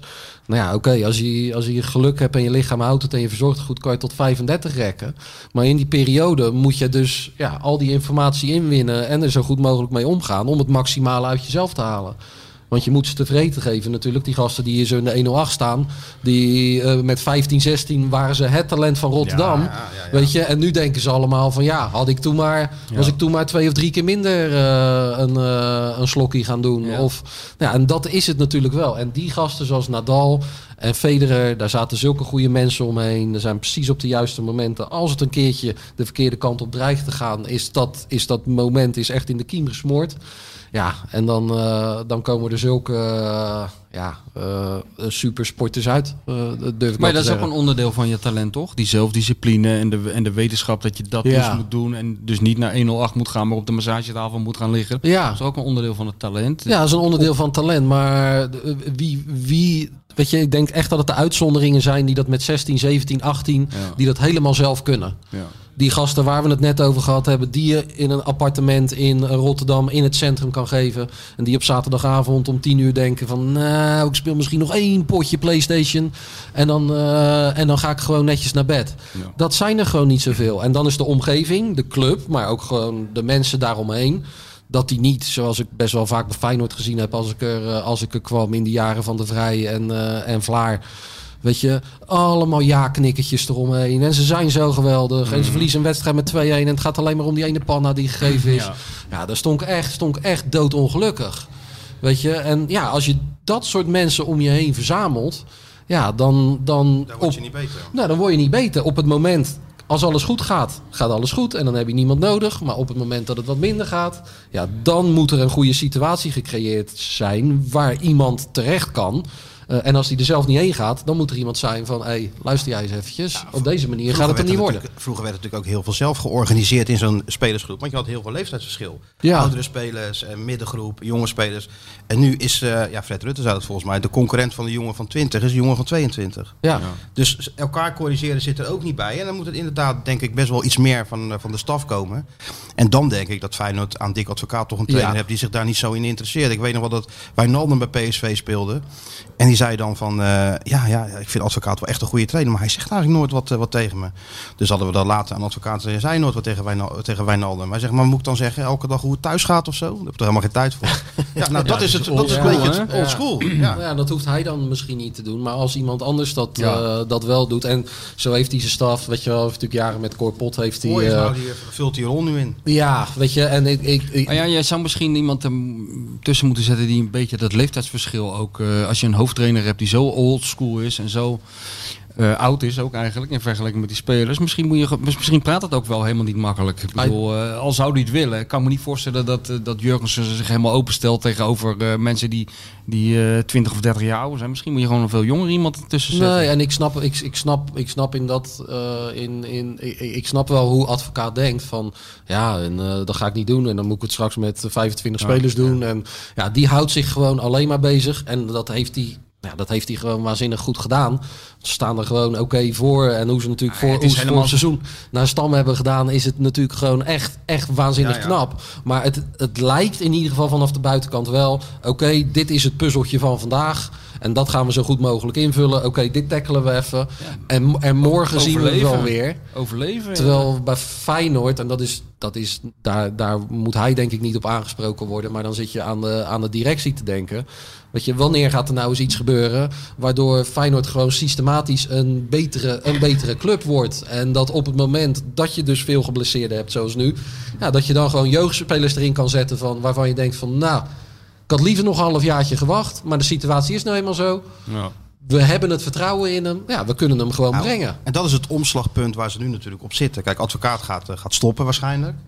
Dat, eh, en, en, en als hij zelf niet stopt, dan denk ik dat Feyenoord wel zou willen dat hij, eh, dat hij stopt. Daar is natuurlijk nu wel een beetje gedoe over. Want hoe communiceer je dat? En hoe doe je dat met een trainer die toch zo waardevol is geweest? Hè? Maar hij Ik doet er zelf anders wel eh, best wel cryptisch over. Als hij de, jij zegt dat hij wil stoppen. Maar waarom zegt hij dan van ja, nee, maar hij wil dit wordt mijn natuurlijk stoppen. Hij snapt, hij is 73, het houdt natuurlijk ook ergens een keer op. Alleen, Ja. het gaat natuurlijk wel om hoe doe je dat als club? Ja. Zeg je tegen zo'n eh, trainer van tussen neus en lippen door, ja stop toch? Oké, nee prima, dan gaan we verder kijken. Of ga je met hem zitten van hoe zie jij het nou? Wat zou jij nou doen? Wat zou je nou de club meegeven? Welke tips heb je nog? En hoe zou je het aanpakken? Hmm. Een beetje met Egar. Met egaars, ja. Met een beetje respect. Hè? Dat, en daar gaat het natuurlijk ook om bij, eh, bij advocaat. En terecht ook. Ja. Man heeft best wel veel voor Feyenoord betekend in die korte tijd. Dus doe het op een, op een chique manier. En ga dan op zoek. eh, want dat is wel wat gaat gebeuren, vermoed ik. En naar een trainer ja, die veel meer bij Arnissen past. En Arnes is natuurlijk al bezig met het beleid om te draaien. Veel meer richting jeugd. Hebben Ja. onder 21 elftal opgetuigd. Hij is in de opleiding dingen aan het veranderen. Hij heeft bijvoorbeeld die Antonucci al gehaald. Die speelt nu bij, bij Volendam. Hoe ze het bij Volendam do- doen, dat vindt hij heel interessant. Hè? Met minimale middelen toch een leuk voetballende ploeg neerzetten. Dus uiteindelijk gaat het die kant wel uit. Alleen Maar dan moet hij eerst nog even onder die rare afspraak met Dirk Kuyt uit natuurlijk. Ja, die afspraak. Maar die, die, die, die kuit zit ook bij de, bij de scoutingsoverleg en dat nee, soort maar omdat dingen. jij zegt ze zijn op zoek naar een trainer. Ja, maar ik geloof, ik weet dat niet. is niet, dat is niet de afspraak van Arnes. eh, Nee, nee, dat was Toch? van, van nee, Geel maar had hij zou zich er wel aan conformeren. Er staat alleen weer geen datum opgeplakt, hè? Nee. Dus dat wordt ooit een keer eh, trainen, of het nou volgend jaar is of in 2040. Ja, dat is... eh, Nou, liever in vullen. 2040 zou ik zeggen. Voor nu. Ja, nee, ik denk dat Feyenoord voor nu, ik voor nu na advocaat toch ook gewoon weer een, een, een trainer met redelijke ervaring moet hebben. Misschien Ja. wel iets jonger ook. Maar die gewoon heeft bewezen dat hij inderdaad de manier waarop Arnezen het wil gaan doen, dat hij daar ook prima bij past. En ja, in dat kader valt natuurlijk de naam van Wim Jonk. Een echte opleider, maar ook een ervaring als, als, als oudspeler. Ja, wordt wel saai voor ons hoor, Wim Jong. Wordt heel saai. En hij, nou, ik advocaat vind ik dan wel, eh, moet ik wel even, eh, ja, dat vind ik niet meevallen. Ja, dan moet de podcast, echt, eh, moeten we dan de podcast gaan noemen? ja. Nee, het gewoon, het was dik voor elkaar. Het was ooit dik voor elkaar. Het was ooit dik voor elkaar. Misschien het wordt het ooit nog dik het voor wordt elkaar. ooit weer dik voor elkaar. Waarschijnlijk wordt het nooit meer zo dik voor elkaar als ja, zoiets. Ja, nee, zoiets. Maar het is wel zo dat de club daar natuurlijk wel mee bezig is. Om, alleen dat die verandering duurt natuurlijk gewoon lang. En dan heb je natuurlijk altijd weer dat eeuwige geld. Ze zijn ook niet voor niks bezig met de overname van het deel van die aandelen. Zodat ze misschien met een investering wat kunnen doen. Maar er komen natuurlijk wel spelers, jonger, eh, eh, met, met eh, kans op ontwikkeling. Dus niet geen oudere spelers meer. En dat is wel wat Arnezen wil. Gewoon waarde Ja. creëren op dat veld. Maar ja, Liefst zijn- met jonge spelers. En anders haal je ze, zoals die Antonucci. Met het idee dat ze zich ontwikkelen en, do en doorverkopen. Nou ja, beetje de, de Senesi-route. Er zit een idee achter, weet je wel. Daar ben als je er al nou heel blij mee. Nou, daar ben ik zeker al heel blij mee, ja. En een idee wat verder reikt dan de, de, de volgende wedstrijd zondag. Maar met een beetje eh, idee voor de toekomst. En als we dan nog mazzel hebben en er komt een of andere gek die 35 miljoen voor Senesi neerlegt. Gelijk verkopen, dan zijn we al een dan stuk kan je verder. weer dit deel herinvesteren. Ja, maar ik weet niet. Kijk, er wordt nu heel vaak naar AZ gekeken. Hè. Van, Feyenoord moet het doen zoals AZ het doet. Met zelf spelers die het zelf opleidt en, en die zich doorontwikkelen, die worden verkocht. AZ heeft natuurlijk waanzinnig verkocht ook de laatste jaren. Maar het is natuurlijk wel een andere club. AZ is natuurlijk een opleidingsclub. Als Ja. je daar drie keer verliest, er is toch niemand die in de war raakt? Als je hier, als je hier drie keer gebeurt, nou je weet, je weet Ja. wat er dan aan de hand is. Dus Ja, dat is en, toch, en toch, weet je, wat ik, wat ik daarvan. Nee, Dat, dat weet jij veel beter dan ik. Mensen zeiken wel, maar zijn zich ook wel heel erg bewust van, van, van hoe het is. Weet je, het, neer, nou, dat- ja, nou, het hoort toch ook gewoon bij Feyenoord. Als je van tevoren als iemand met, met, met, met overwicht en met respect zegt van... oké, we gaan een andere koers varen, een beetje misselijke Ja. tekst... maar is wel wat je gaat doen. Ja, ja. Dat gaat inhouden dat, er misschien, hè, eh, eh, dat het misschien één of twee jaar wat minder gaat. Maar we moeten dit doen om structureel een betere club te worden. Om structureel gewoon top drie te zijn en ieder jaar mee te doen voor het kampioenschap. Dan moeten we eventjes hier doorheen. Maar alles moet in het werk gesteld worden. Ja, als iemand dat met credits doet bij de club, Ja. ja, dan gaan ze echt niet naar de eerste drie, vier nederlagen gaan ze zeiken. Als je- als je- de vijfde, zesde. Maar het is wel waar Ja. wat jij zegt. Ja. Het is wel waar. Je moet het goed Het is naar nog nooit gebeurd, ja, supporters, weet je, niet omdat, eh, omdat die drie eh, mensen die hier naar luisteren nou supporters oh, van Feyenoord oh, zijn, om, die, om, die, om, om, die, om die credits daarvoor te krijgen. Sjoerd, maar weet je, het, is, eruit. het is emotie, maar als je het gewoon normaal uitlegt, weet je wel, dan denk ik ook gewoon dat daar echt wel een besef is. Want waarom ben je anders godverdomme nog supporter van Feyenoord na eh, 20, 30, 40 Ja, jaar? je moet het goed communiceren naar buiten toe inderdaad. Precies. En dan nog heb je heel weinig tijd. En daar is natuurlijk ook gewoon nog een weg te winnen Ja. bij Feyenoord. Want als je ziet hoe die dingen allemaal gecommuniceerd worden en hoe lullig dat vaak is, vooral Ja. ook richting publiek, ja, daar moet echt nog wel, eh, da- da- daar moet ook nog wel een slagje gemaakt worden. Maar is het, je zegt natuurlijk, je zegt dat nu. En Michel zei, zei eerder al van misschien is het eh, wel wat voor jou. Bij Ajax zit toch ook een, een externisser in, in, in zo'n rol op de, op de bank. Ja, eh, Jan Siemerink is, eh, is teammanager daar. Ja. ja. Maar dat zou je niet willen, zoiets. Nou ja, laat ik het zo zeggen. Als, als waar we het net over gehad hebben, als er zo'n plan zou komen, Ja? Weet je wel, we willen echt met de club een andere kant op. En we denken dat je daarin, in een teammanagerrol of dingen waar we het over gehad hebben, een rol zou kunnen spelen. Dan zou ik daar open voor staan om te praten. Ja. Maar als het. Als het eh, hapsnap is niet. als het hapsnap is, als het gewoon weer is eh, om, weet je wel, om een gat even te dichten. En we halen gewoon poppetje A eruit en we, Nou gooien, dat pop- is het vaak, we, go- ja. we gooien poppetje B gooien we erin. En omdat hij uit Rotterdam komt en een paar keer in een Feyenoord shirt gelopen heb, eh, heeft hij ook nog wel de credits. Dus dat valt ook goed. Ja, daar heb ik een pleurishekel aan. Er moet, er moet gewoon een goed idee achter zitten. En als dat zo zou zijn, en ze zouden om welke reden dan ook bij me uitkomen, dan zou ik er wel voor openstaan om, om erover Oké. te praten. ja 100% dat ze luisteren.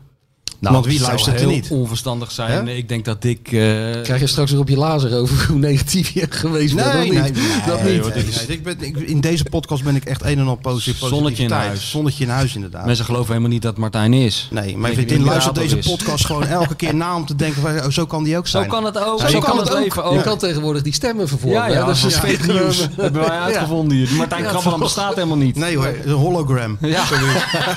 ja. Nee, maar goed, jij zegt hapsnap. En dat is er natuurlijk uit tijden ook geweest.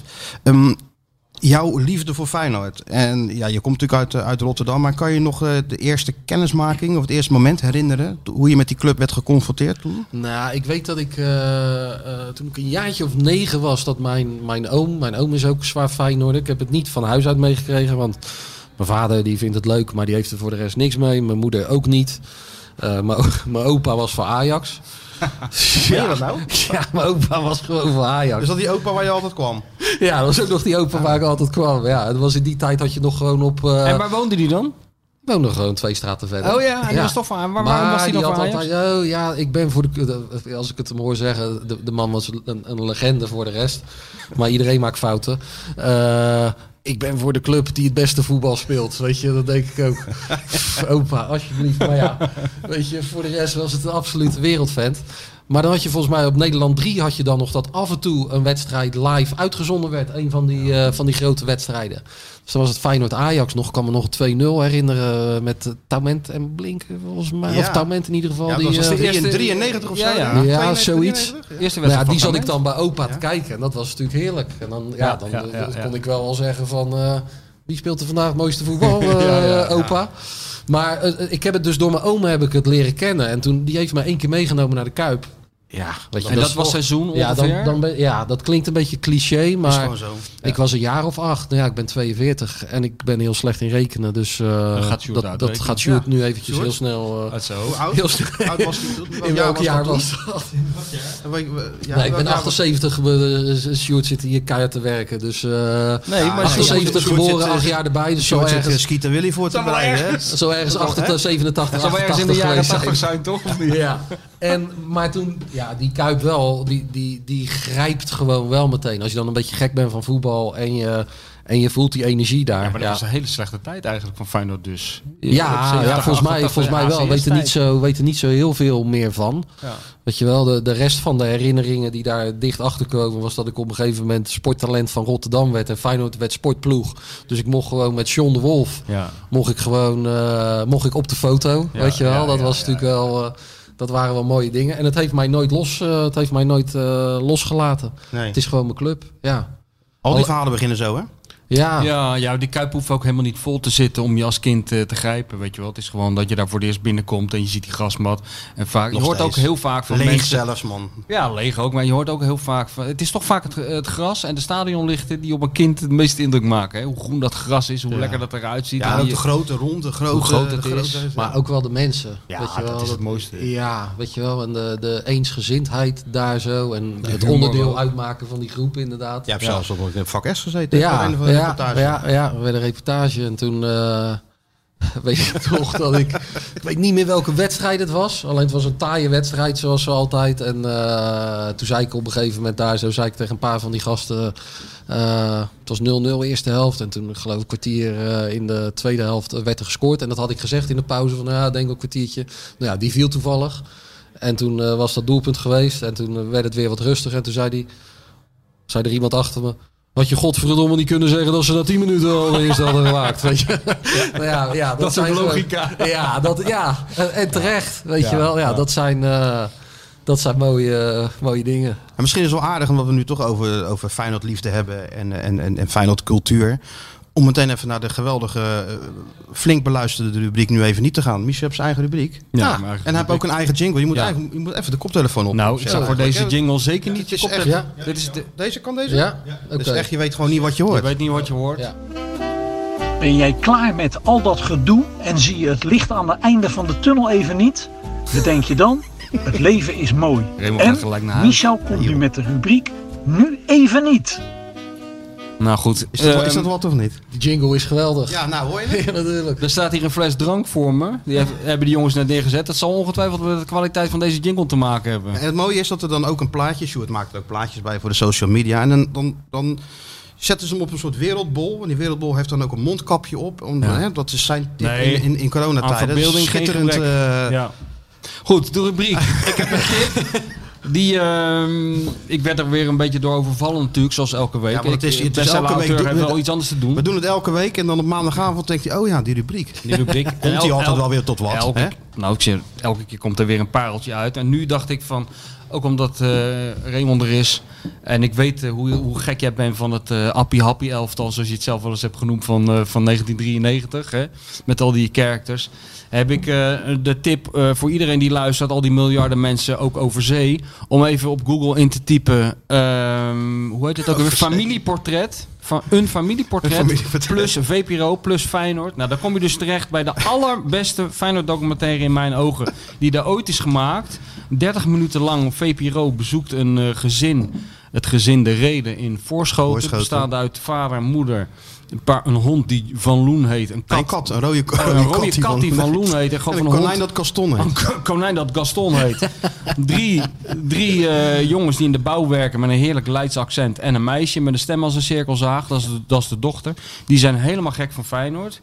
Eh, echt oprecht, eh, echt oprecht. Hij is liefde echt voor geweldig. Feyenoord. Begint al het begin, hè, met een Maria-beeld. dat is Begint al met, met een geweldig... Nou, die hele documentaire, Ja, die hele documentaire, daar is helemaal niets mis mee. Met een geweldige voice-over stem van Sherry Duins. Dat is al de moeite waard. En het begint dus met een shot van een Maria-beeld. Dan zie je hoe die mevrouw eh, de, de reden het Maria-beeld kust voor een overwinning van Feyenoord en kaarsjes aansteekt. En eh, nou, jij volgde hun dus in die zenuwenweek, die kan jij je ook nog wel herinneren, dat ze eerst uitspeelden tegen MVV en toen de ontknoping in het Oosterpark tegen Groningen. Ook live op tv trouwens, die wedstrijd. Ook live op tv. En, natuurlijk de Kuipen toen vol met die mensen die naar die schermen ja, keken. ja, ja, ja. Maar ja, het is, eh, het is bijna niet uit te leggen. Nou, ze gaan mee naar die wedstrijd. Dus je ziet zeg maar, de beleving van een eh, enorme Feyenoord-familie, eh, hardcore fans, op de tribune in Maastricht. Ja, dat je ziet ik ook, hoe, het het leven van die mensen eh beïnvloedt. 24 uur per etmaal eigenlijk. En ook de, wat ik er heel mooi aan vind eigenlijk, is dat op het moment dat ze ze volgen Zitten ze er helemaal in, weet je wel? Vinden ze er ook eigenlijk niks geks aan? Dat ze de, dat ze, er is er eigenlijk helemaal niets leuks aan. Je wordt, je wordt er zelf ook heel nerveus van. Vooral van die man. Ik, ik krijg heel een nerveus Van gevoel. die vader? Ja, omdat hij zoveel spanning heeft. Of Ja, hij wel een kaartje ik- kan krijgen. Of hij wel op tijd is. Of Ja, hij is meest rustige nog. of hij geen lekker band heeft. Nee, Hij maar wil- je ziet aan. Hij heeft enorme zenuwen trekken op de, op de Ja. tribune en zo. Maar er zijn ook eh, interviews eh, die in een wat rustiger setting worden opgenomen. Met dat meisje vooral. En eh, die, die zegt eigenlijk hele filosofische dingen erover, ongemerkt. Hele goede dingen over dat supporterschap. Dat ze ook op een gegeven moment vraagt die interviewer van... Als je nou later zelf een gezin krijgt, zou je dan ook willen dat jouw kinderen... Dan zegt ze nou eigenlijk niet. Ik. Maar is het, Ik niet, hoop het eh, niet. is het niet een idee om te kijken of jullie haar eh, hier zo een keer achter deze microfoon kunnen Nou, ik, krijgen? ik, ik heb die mensen al een keer opgezocht. Oké. eh, want, Eh, recent. voor je. Nee, nee, jaren later. Want ik heb dat dit speelde dus in 93 en toen werden ze in 99 weer kampioen. En omdat dat meisje ergens in die documentaire zegt van nou, ik hoop eigenlijk dat, het, dat, mijn, dat ik later... eh, Dat het allemaal een beetje afneemt. Ja, want het is ook. het- ja. ja. het beïnvloedt alles. Adrenaline, het is gewoon inderdaad ik- stress. Is Ik dacht, ik ga daarheen naar die mensen. Kijken of ze nog steeds zo gek zijn. Dus ik naar voorschoten. En ik was vijf minuten binnen. En toen wist ik, ja, ze zijn nog steeds zo gek. Ja, dat is Het toch, was eh, geweldig. Het was echt. eh, Vind ik Ja. toch echt wel weer tijd om te kijken of ze nog steeds zo... ja, ja, ik zou ze Ja, weet je wat ook eigenlijk mooi is? Dat is kijk, we hebben natuurlijk ook honderdduizenden luisteraars uit Amsterdam. Ja. Welkom trouwens. Ja. En die, eh, vind ik zo mooi, als die broers dan wordt gevraagd van... eh, ehm, gaan jullie eigenlijk wel eens in, in Amsterdam? En dan zegt er zo een... Wat? Hoezo? Hoe moet ik dat doen? ja, to- maar gewoon... eh, De totale ik- verbijstering op het gezicht van die jongen. Alleen al als hij die vraag hoort. Ja, maar ik moet je eerlijk zeggen dat ik in die zin, niet? toen ik een jaar of 16 was, kreeg ik mijn eerste vriendinnetje. En eh, die zei na een maandje of drie, zei die tegen mij van, ja, zullen we anders misschien een keer eh, het weekend naar Amsterdam gaan of zo? Nou, ik heb, de, ik heb de docu niet gezien. Dat ga ik heel snel doen als ik thuis ja, ja. ben. Maar ik denk dat de blikken redelijk overeenkwamen hoor. Ja? Ja, en dan zei ik ook echt van, ja, wat de fuck gaan we daar, wat de fuck moeten we daar dan doen joh? Ja, weet je, en dan, en dan, nu, nu denk ik wel, nu denk ik daar wel iets gematigder over. Helemaal Weet niet. je, Ik nu- zie gewoon aan je kop dat het helemaal nu niet... kan je er prima gewoon 10 minuutjes heen en dan gewoon snel weer terug. Weet je, ja. Maar het mooie was, die, die, die- ja, ze moeten natuurlijk ook wel argumenteren. Waarom wil je er dan niet heen? Ja, Ja, ja Nee, dat gewoon hoef je helemaal niet. dat, dat, dat taaltje en, en dat- je ziet ook letterlijk zo'n rilling lopen bij, zo'n, eh, bij die jongen. Maar als iets zo duidelijk is, hoef je het niet te beargumenteren. Nee, nee, Maar wat, wat jij kon je op je zestiende dus echt niet voorstellen dat je een prettige middag kon hebben in Amsterdam. Nee, maar ik werd zo door dat Feyenoord-virus Ja, ja. gegrepen. En daar krijg je natuurlijk eigenlijk, hoe verder je eh, eh, die kant op gaat... Ja, hoe meer het er ook bij hoort dat je, eh, dat, afzet. ja, dat je je afzet tegen, tegen Amsterdam. Dus, en, en zo is dat ook wel, eh, zo, is, zo is dat echt... eh, Echt opgevoed een beetje. ja, zo is dat... Hij eh, ging ook via Maastricht op vakantie. Ja, hij zei van als ik op vakantie ging, dan ging die, eh, dan ging die via Maastricht. Ja. Ja, dat is en ik ben dus bij die, ik ben bij die jongens eh, geweest toen, die avond. Dat was ook een, het was natuurlijk, zijn natuurlijk, waren echt geweldige mensen. Dus ik heb de hele avond daar tussen de schuifdeuren gezeten. En dat was toevallig een avond dat Ajax speelde. En we zaten met z'n allen aan de, aan de, aan de eettafel. En uh, in de andere kant van de kamer, in de woonkamer, stond de televisie aan. En, maar daar keek niemand naar, want het was Ajax. Maar ik vond het wel gek dat die aanstond. Dus op een gegeven moment, na een half uur, vroeg ik van...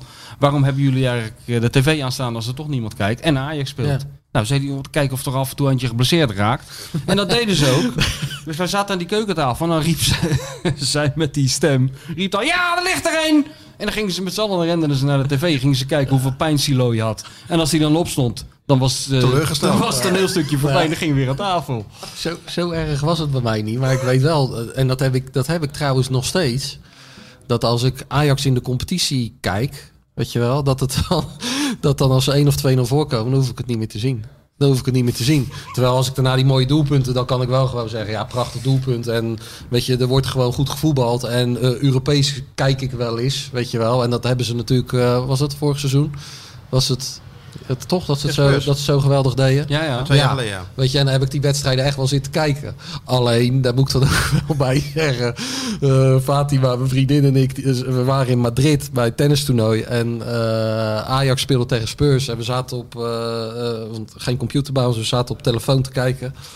En ja, het was natuurlijk gigantisch spannend. Weet je, eh, toen, viel die, Ja. toen viel die derde goal van die Moura. En toen keken wij elkaar allebei zo heel rustig aan zo. Van, oh, En na 10 seconden moesten we, niet meer keihard, ja, moesten we keihard lachen. Wat ik dan volgens ook wel weer erg vind. Maar als ik het dan omdraai en ik denk, ja, als dit bij Feyenoord gebeurd was, dan had ik echt gewoon Ja, ja. had drie maanden dit nest niet uitgekomen. Ja, nou aan de andere kant, ik vond juist dat, dat ik vond wel een verschil tussen Ajax en Feyenoord supporters. We hebben dat wel een jaar moeten horen hoe erg het was voor die Ajax supporters. Ja. Ik dacht op een gegeven moment wel van, Nou ja, joh, dat vind ik wel, weet je- dat een paar keer weet per je, jaar mee. Ja, Ajax, Ajax, Ajax doet het natuurlijk als club geweldig. En het voetbal is geweldig. En eh, eh, met En als ik dan die gasten zie die er doorkomen, de licht, de jong, Ja. ja. dan heb je gewoon waanzinnig veel dingen goed gedaan. Er komt er maar aan, hè? je voelt hem. Ja, ja. Alleen het in Rotterdam zijn we altijd met Amsterdam bezig. En in Amsterdam zijn we niet met Rotterdam bezig. Dat is echt de grootste onzin die ik ooit gehoord heb. Ja? Ja, want het is, weet je, ik zit dan een beetje op Twitter, weet je, en daar volg ik een aantal Ja, mensen. zit je en er weer, weer op Twitter? Of komen we daar nog op zo? Oh, dat ik gehackt ben. Gek, ben Ja. je heel half bekend Nederland is in de problemen geraakt. Door mij. Ja, mijn welgemeende excuses. Ja, ja, nee. Maar eh, daar volg ik dus... Nou ja, daar heb je een aantal gasten die vooral over Ajax eh, twitteren. En die doen dat ook leuk en grappig. En ook over eigen club met een knipoog. Hmm. Maar het gaat ook zo verschrikkelijk veel over Feyenoord. Of het nou goed gaat of dat het nou slecht gaat. nou. Altijd maar strekkers uitdelen. Dus daar word, ik- daar word ik wel eens een beetje moe van. Weet je, je, het gaat van twee kanten. Maar dan moet je ook ac- accepteren dat het. Ja, ja. Van, van twee kanten Maar jij gaat. had dus niet een Feyenoord shirtje besteld met Lucas Moura achterop. Zoals Nee. de- die werden... Nee, zo Ja, zou ja, lach, maar die zijn gewoon eh, besteld. Zo zou ik dat Die niet zijn doen. gewoon besteld. Ik, heb wel een keer, ik heb wel een keer tijdens het ABN AMRO toernooi, maar dat is echt, ja, ik weet niet meer in welk jaar het was. eh, was ABN AMRO natuurlijk shirtsponsor van Ajax. En toen kwamen een aantal Ajax-spelers. Toen was Koeman was nog trainer van Ajax. Die kwamen eh, tennissen met tennissers in die week. Waaronder ik. Dus ik kwam in mijn Feyenoord shirtje aanlopen. nou ja, op zich allemaal prima. Eh, en nou ja, wij hebben een paar ballen geslagen. En toen aan het einde had Koeman voor de tennissers die speelden... had hij allemaal een Ajax-shirtje met eh, naam erop. Dus hij gaf dat shirt en toen zei ik nog gekscherend tegen hem. Ik zei, nou, ik wil eigenlijk met het shirt doen wat jij ooit met dat Duitse shirt gedaan hebt. Kon hij wel waarderen. Dus ik heb dat toen zo met twee vingers heb ik het gepakt. En heb ik het, er zaten wat mensen te kijken, heb ik het eh, in het publiek gegooid. Dus ergens moet iemand nog, moet, dat nog, moet nog zo'n shirt hebben. Dat, Een dat moet Ajax, je een zijn. Ajax shirt met sluiter. Ja, of het is ritueel in brand gestoken, dat kan natuurlijk kan ook. Maar, eh, en er stond de volgende dag stond in het AD een klein berichtje. eh, sluiter provoceert Ajax-spelers of zo. Dus nou ja, lekker. Want ja, aan de ene kant valt het natuurlijk hartstikke goed. Maar aan de andere kant, als ik dan een keertje in Amsterdam moet zijn... dan krijg je dat weer. Ja, krijg je dat weer. Het was allemaal de niet eerste- gemeend. De eerste volgende keer dat ik in de Kuip was, liep ik daar zo. En eh, ik, eh, ik ga pissen of zo. Ik weet niet meer wat het was in de, in, in de rust. En er komt echt een grote kerel met eh, SCF op zijn op zijn trui. Die slaat bijna mijn schouder aan, gooit zo van de achterkant. Ik draai hem om. En hij zei, jij bent tot die sluiter? Denk, ja, wat moet ik hier zeggen? Weet je, kan bijna geen kant meer op. Ik zei, ja, dat klopt. Hij zei, jij hebt in je hele leven nooit meer problemen. Ik zei, nou ja, dat is wel, dat is wel lekker meegenomen. En toen gaf hij me een telefoonnummer. En toen zei hij, één belletje. En er staat 200 man voor jou klaar. Hij zei, wat jij met, met dat shirt hebt gedaan, dat was legendarisch. En toen liep hij weg. Lekker. Weet je, was niet Ja, van, ja, Heb je wel eens gebeld? ik heb, ik heb, Heb je nummer nog wel? ik heb tot nu toe nooit eh, hoeven Maar bellen. je hebt nog wel, dus En een soort panic button. Als Kiki niet luisterde, dat je niet zei van ik heb een nummer, als ik dat bel. Nee, nee, nee, dat heb ik, eh, heb ik Sjoerd zit heel druk te doen. Ja. Het is niet omdat hij met Skiet eh, Willy bezig is, maar we moeten gelijk door naar de volgende rubriek. Oh, Ja, het is een, eh, luister maar weer, het is echt een, een show vol rubrieken en, gekkigheid en dingen. Ja, nou inderdaad. Ook weer met een eigen jingle. Genoeg gelul van de Feyenoord Watcher en de bestseller-auteur. Het is tijd voor iemand die echt kennis van zaken heeft. Ja, hallo met Mario. Hallo Mario. Trainer, Hey. je Hoe zit is er het, weer in, jongen? hè? Je zit er weer in, hè? Zit ik je er eigen weer rubri- in je eigen rubriek. goedemorgen Mario. Ik heb tegenwoordig ook een jingle. Hey, goedemorgen. Nou, Alles die, goed? Ja, die jingle, ja, die is, heb je dat ooit wel eens eerder gehad, een eigen jingle? Nee, nog nooit. Alles het was een. Hè? En het was een one-taker gewoon. In één keer opgenomen. We Snap hebben, hè? wij hebben een gast hier, Raymond Sluiter, je kent hem. Die, Oh, leuk. Die Ja, kreeg tuurlijk. tranen in zijn ogen van die jingle. Die had nog Ja, nooit gezien, gehoord. Nee, het is heel emotioneel. Hij heel wil, hij wil hem gemaild krijgen, dan kan hij nog eens regelmatig even afspelen. Ja, nee, dat is altijd goed. Moet je winkelen?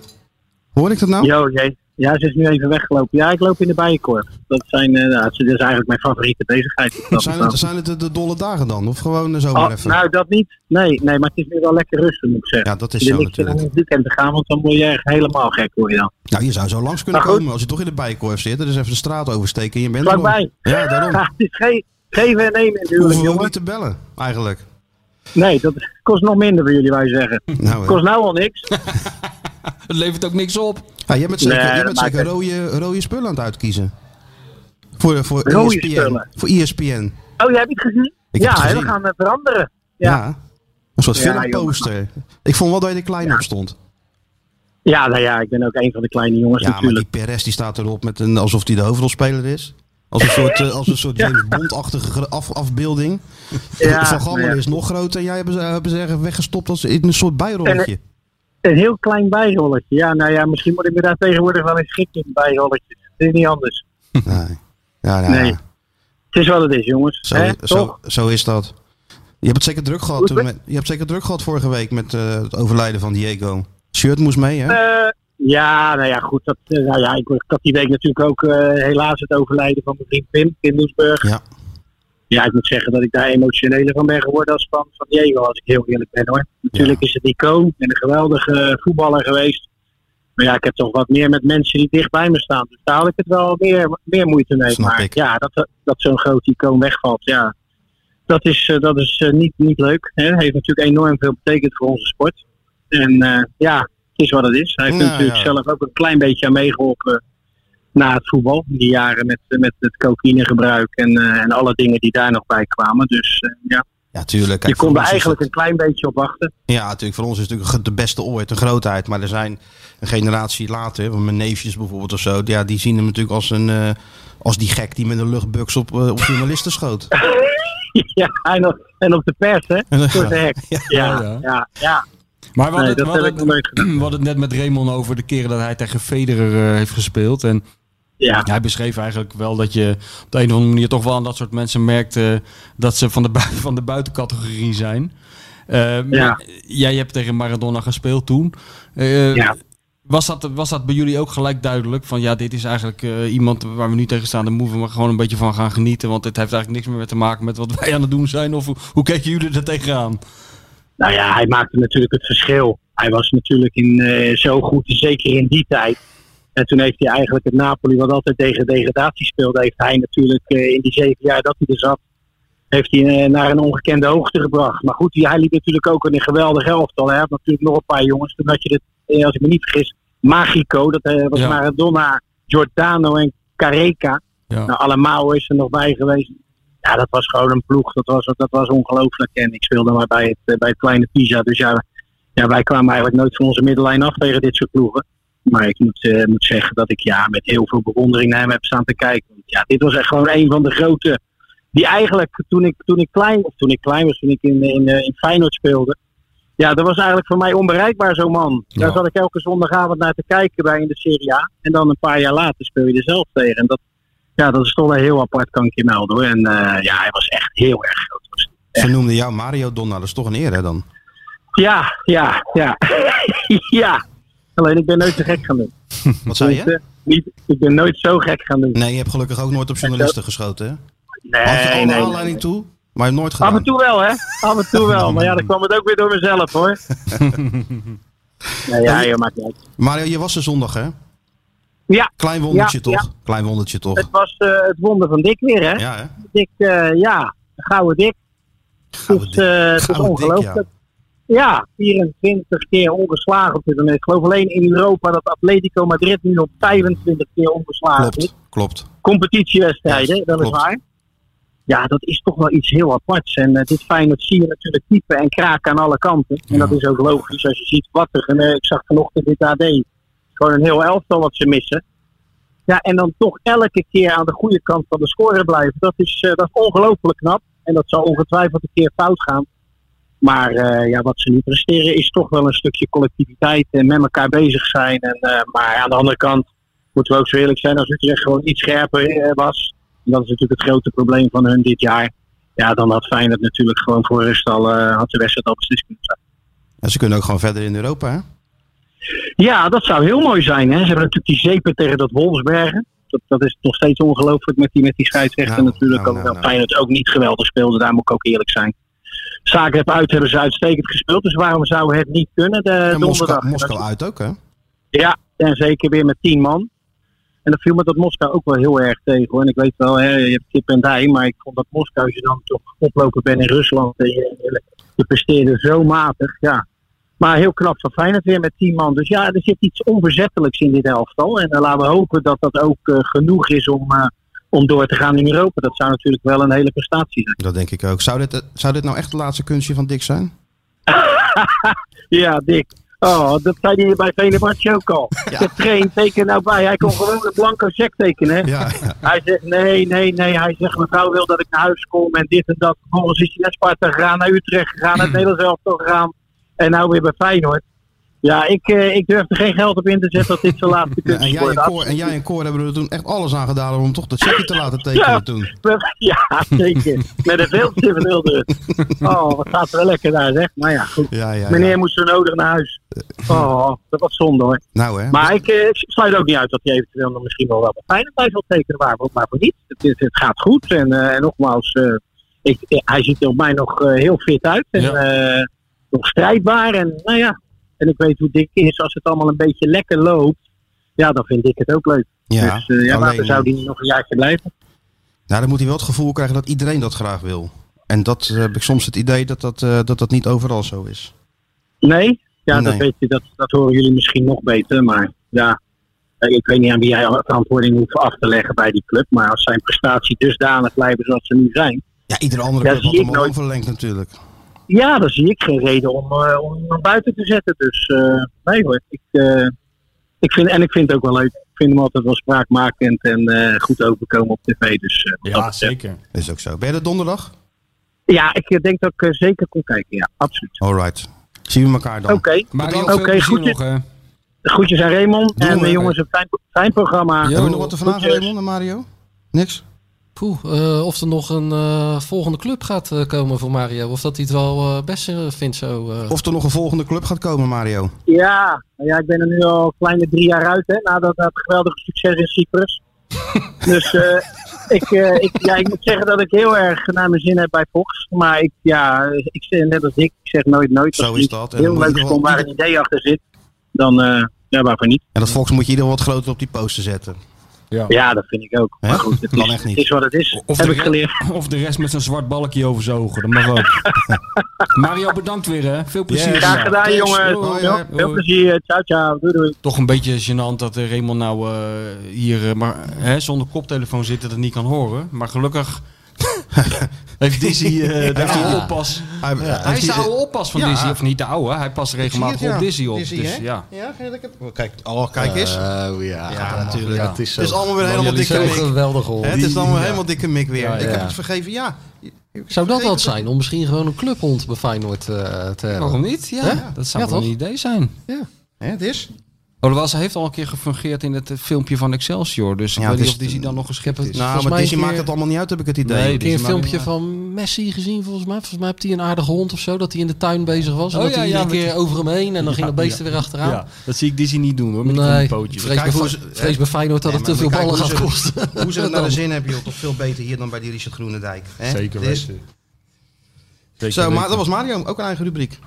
Ja, Ja. Echt een Feyenoorder natuurlijk, hè? Ja, en, eh, en terecht. Ik vind het wel grappig dan hoe dat dan, eh, op zich logisch, maar hoe dat dan werkt. Want die heeft natuurlijk volgens mij met advocaat toch lang, eh, Ja. lang in Turkije, In Turkije gezeten. Ja. Nou, hij had er nog gezeten als Dick die blanco check had getekend. Maar Ja. dat, dat wilde hij niet, Dick. Daar was hij, eh, Assistent. oké, oké. Samen met Korpot. Ja, en nu zit hij dan iedere keer in de Kuip Ja. zit hij te Ja. vertellen wat hij, wat hij allemaal niet goed grappig. doet. Ach ja. Ja. zo gaan die dingen. Zo gaat het, ja. Jouw favoriet was uh, Kieprits, hè? Ja, ja, maar dat was natuurlijk gewoon echt eh, zo verschrikkelijk legendarische, legendarische man. Dat je gewoon, als je hem buiten in de stad had zien lopen in zijn gewone kleren, dan was denk ik professioneel voetballer ongeveer het laatste waarbij Ja. je uit was gekomen. Weet je? Eh, dan, eh, eh, Een soort conciërge was het. ja, maar je kan er alles op plakken. Ja. Weet je wel, wat loodgieter kunnen zijn. Gisteren eh, kwam er iemand bij ons, kwam de wifi, want die was naar de kloten kwam Had maken. kunnen doen. Dat had hij, had hij ook rustig kunnen doen, lekker op zijn gemakkie. Weet je? Eh, ja, ja, even een bakkie erbij. Ja, en, ja, weet je, dat vond ik zo'n verschrikkelijk mooie kerel. En helemaal als je het wegzet tegen hoe de voetballerij nu is. En Ja. weet je, hoe ja, populair en tof en weet ik veel je eigenlijk hoort te zijn.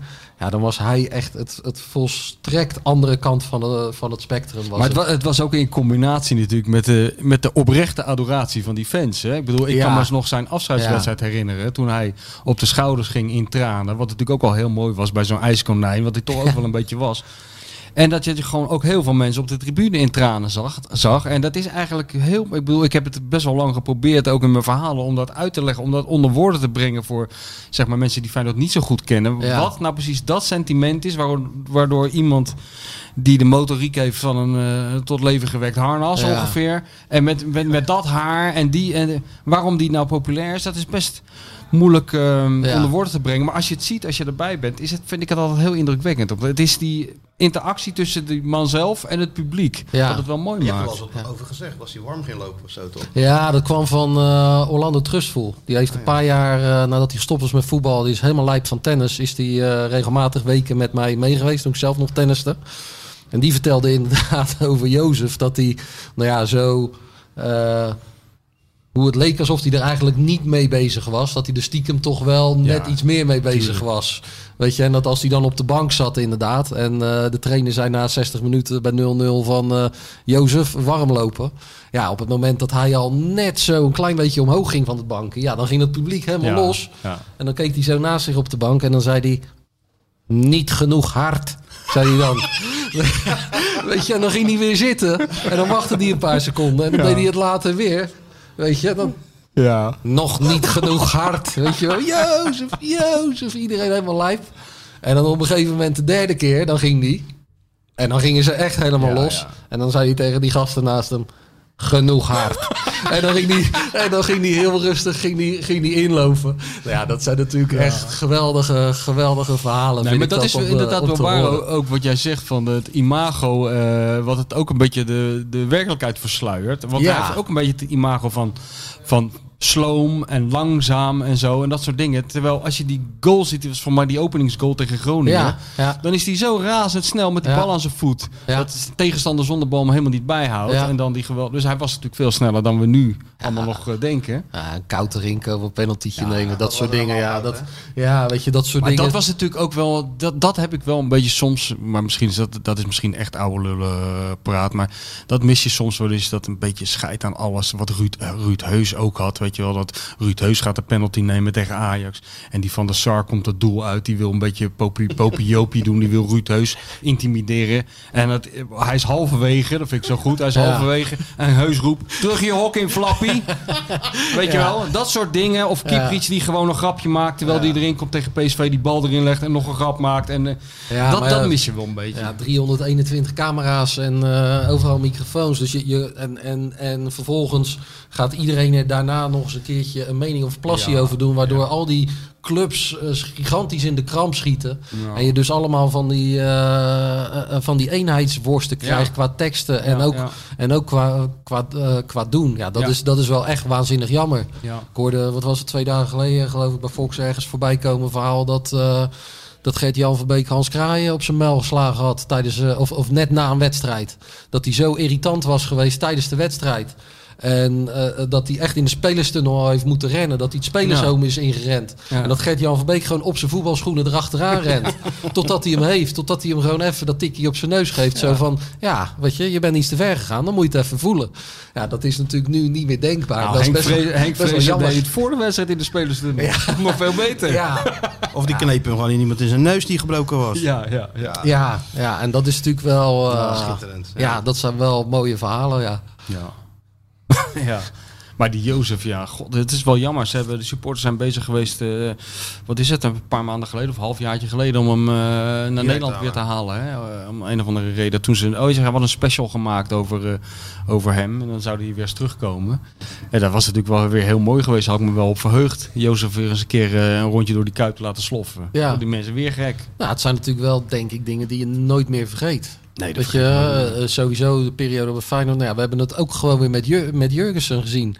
Weet je, wat die gasten natuurlijk op die brug allemaal, eh, Ja. allemaal gedaan hebben. En daar kan je van vinden wat je vindt. Ja, dat kan alleen bij Feyenoord. Ja. Zoals ik zei vorige week, bij iedere andere club was hij natuurlijk al naar de uitgang gejaagd. Ja. Naar zo'n zulke- naar zo'n serie. Alleen bij Feyenoord toch nog weer het steuntje, hè, laatste kans. En, hè, dit. Nou ja, en natuurlijk ook wel gewoon door gebrek aan, eh, aan beter. Zo. komt dat, komt dat ook wel. Maar het feit dat die supporters dan toch allemaal weer de moeite nemen om dat te doen. Weet je, dat is, eh, ja, dat, dat, dat is gewoon wel eh, een gigantisch speciale club. Ja. Nee, maar dat maakt het daarom, weet je wat, daarom had ik ook die, we hadden het net over die docu van die familie. Ik moet er altijd aan denken van, ehm, soms heb je wel eens eh, van die mensen die, zoals bijvoorbeeld, ik kan me bijvoorbeeld helemaal niet eh, voorstellen dat je van het Euro Songfestival houdt en dat je daar gewoon uren, of Wie is de Mol bijvoorbeeld, dat je daar uren, uren kan lullen over Ja. Wie is de Mol of over het Ja. Euro Songfestival. Maar ja, nee, maar dat hebben andere mensen dus met voetbal. Ja. Die kunnen zich totaal niet voorstellen. A, dat je er uren over kan lullen zoals wij. Maar ook niet wat het betekent voor in een mensenleven, weet je wel. Wat het, eh, en als je dan die, die docu ziet van zo'n familie. Of je ziet de, de gekte rond Kieprits destijds op de tribune en zo. Dat, het is altijd, ik vind het altijd heel leuk om daarnaar te kijken met iemand die dat helemaal niet snapt. Oké. Weet je wel? Dan Maar kom dat, je er wat heb jij, jij Ja, naar. Songfestival zitten Ja. kijken, snap je ook niks van? Nee. nee. Daar snap je niks van. Nee, niks. Ik tenminste, ik ook niet. Nee. Nee, nee, nee. Dus eh, we hebben nog, zometeen nog een. Vind je het leuk trouwens? Ja, we zijn lekker bezig toch? Ja? Ja hoor. Leuker dan de Head Shoulders reclame? Nou, Moest ik ja, vragen van het- iemand. Ik vertel het, je, eh, en terecht. ik, vertel, hadden- ik vertel je na afloop van wie. we hadden, we hadden, Ik ga we- halen, jongens. hadden- koffie kan niet meer. We hadden aan het begin eh, van deze podcast hadden we het over het rijtje hoogtepunten en dat deze podcast daarin kwam. ja, met stip op één staat natuurlijk toch gewoon die Head and Shoulders reclame. Maar dat kan ook met de check eh, te maken gehad hebben die ze daarna overgemaakt hebben. Nee, ik zal je eerlijk vertellen over die reclame. En nou ja, Michel heeft al een duit in het zakje gedaan met zijn rubriek door een eh, YouTube tip te geven. Als je eh, Head and Shoulders Raymond Sluiter in toetst, dan, eh, dan kan je twee weken niet slapen. Dus als je dat wil doen, dan eh, moet je dat vooral ook nog even doen. Nee, ja, was natuurlijk echt, echt een zeldzaam, zeldzaam slechte reclame. Wat zag je dat dan al toen je dat script kreeg of zo? Ja, ja, toen ik het Maar toen script... was er geen weg meer terug of wat? Nou ja, dan wordt het gewoon een hele simpele afweging. Dan staat er A staat er een half jaar voor lul staan. En B staat er oké, hier, hiervoor kan ik wel gewoon lekker een half jaar met mijn reet op de bank blijven zitten. En drie keer in de week thuis eten halen. Eh, dus wat is... Ja, dus wat is de afweging die je daar dan, daar dan maakt? En ik zal je eerlijk zeggen, op het moment dat de ruwe versie van de eerste reclame kwam, heb ik er nog wel over getwijfeld. Maar heb je, die toen, heb je toen ook echt voor de tv gezeten dat hij dan ineens voorbij kwam? Ja, ja natuurlijk. Want dat denk ik gewoon regelmatig voorbij. Ja, het was zo verschrikkelijk shocking slecht. Ik zei ook, ze hadden er echt veel werk in, in gestoken en, eh, om die reclame te maken. En goh, wat voor dingen vind je leuk? Nou had ik gezegd, ik vind poolbiljarten vind ik hartstikke leuk om te doen. Hadden ze een scène verzonnen waarbij ik op een bank zat met een keu in mijn hand, in mijn linkerhand, als Sinterklaas. Met een staf. En dan in mijn rechterhand moest ik dan de bal gooien. Moest ik wel in de camera blijven kijken. Moest hem weer opvangen. En dan moest ik zeggen, mijn backspin. Nou ja, ja, ja, weet je, dan, dan, houdt het, dan, dan houdt het natuurlijk wel een klein beetje, klein, dan houdt het natuurlijk wel een klein beetje op. Kunnen we het erover hebben dat Martien Meiland de prijs heeft gewonnen over slechte reclame. en ik werd tweede, ik werd tweede dat jaar, Achter? na Johan Derksen.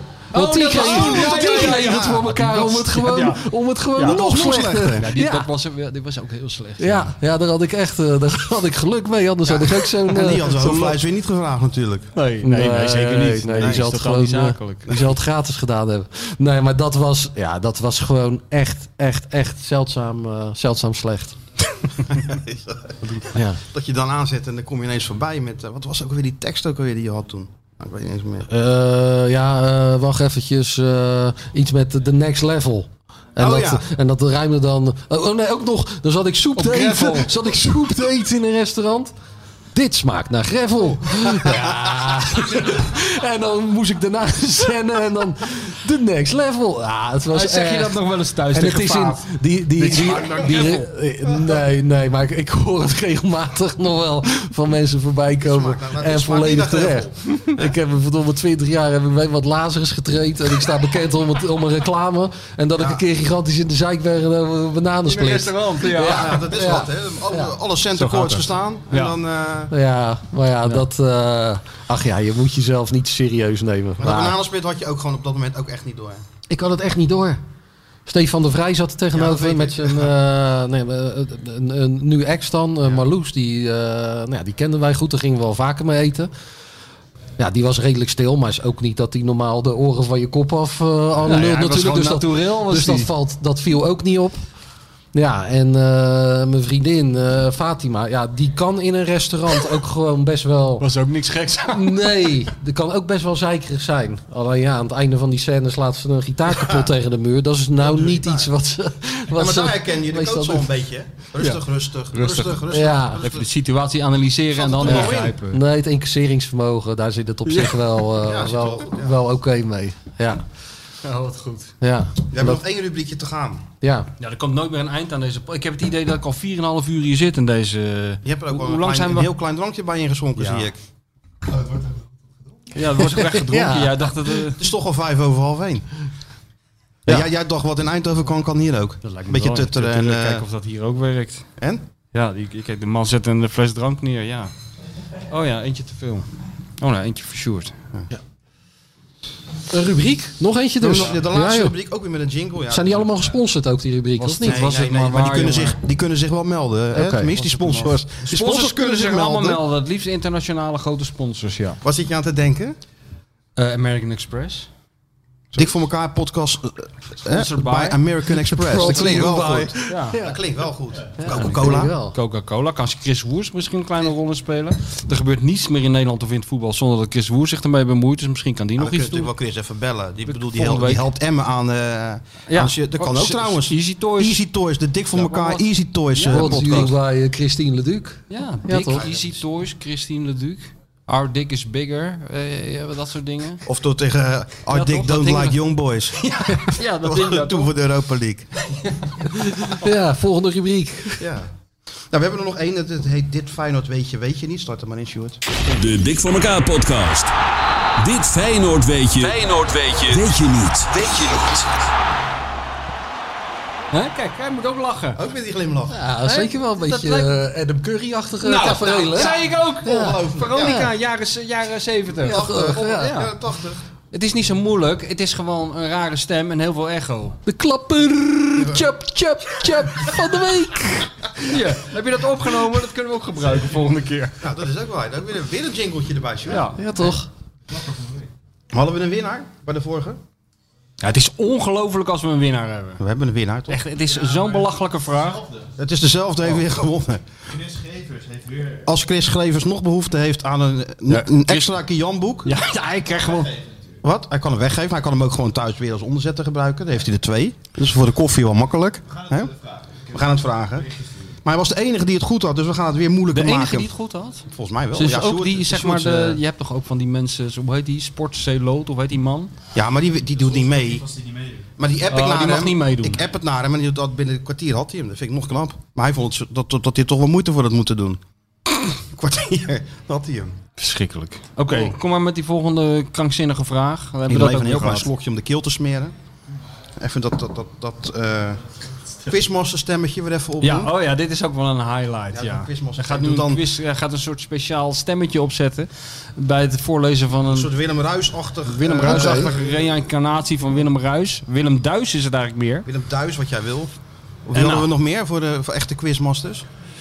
Ted de Braak, Fred Oster-achtig. Fred Oster. Ah, Ron Brandstede was Ron natuurlijk Brandstede. uiteindelijk ook niet eh, verkeerd, Nee. toch? Dan moet ik eigenlijk van zijn trap komen. Ja, Dat is het Met volgende Bella stap natuurlijk. Ja, met Bella de Beer. Nou kom maar op. Komt-ie. En dan citeer ik een ex-Feyenoorder. Ja, dat legt En de mensen week. moeten dus raden wie dat is. Ik elke leg het week uit. legt hij uit dat hij nu even niet Ja, maar zichzelf dat- is. we, Maar hebben dat altijd, dus... we krijgen miljoenen luisteraars Oké. er nieuw bij. Hè? Dus Ja. moet En ik is elke het- keer weer nieuw, opnieuw uitleggen. Oké, nee, kom, ja, kom maar door. Ja. Komt-ie. Ik ben geen Rotterdammer. Speelde mijn laatste officiële wedstrijd tegen een club uit mijn geboortestad.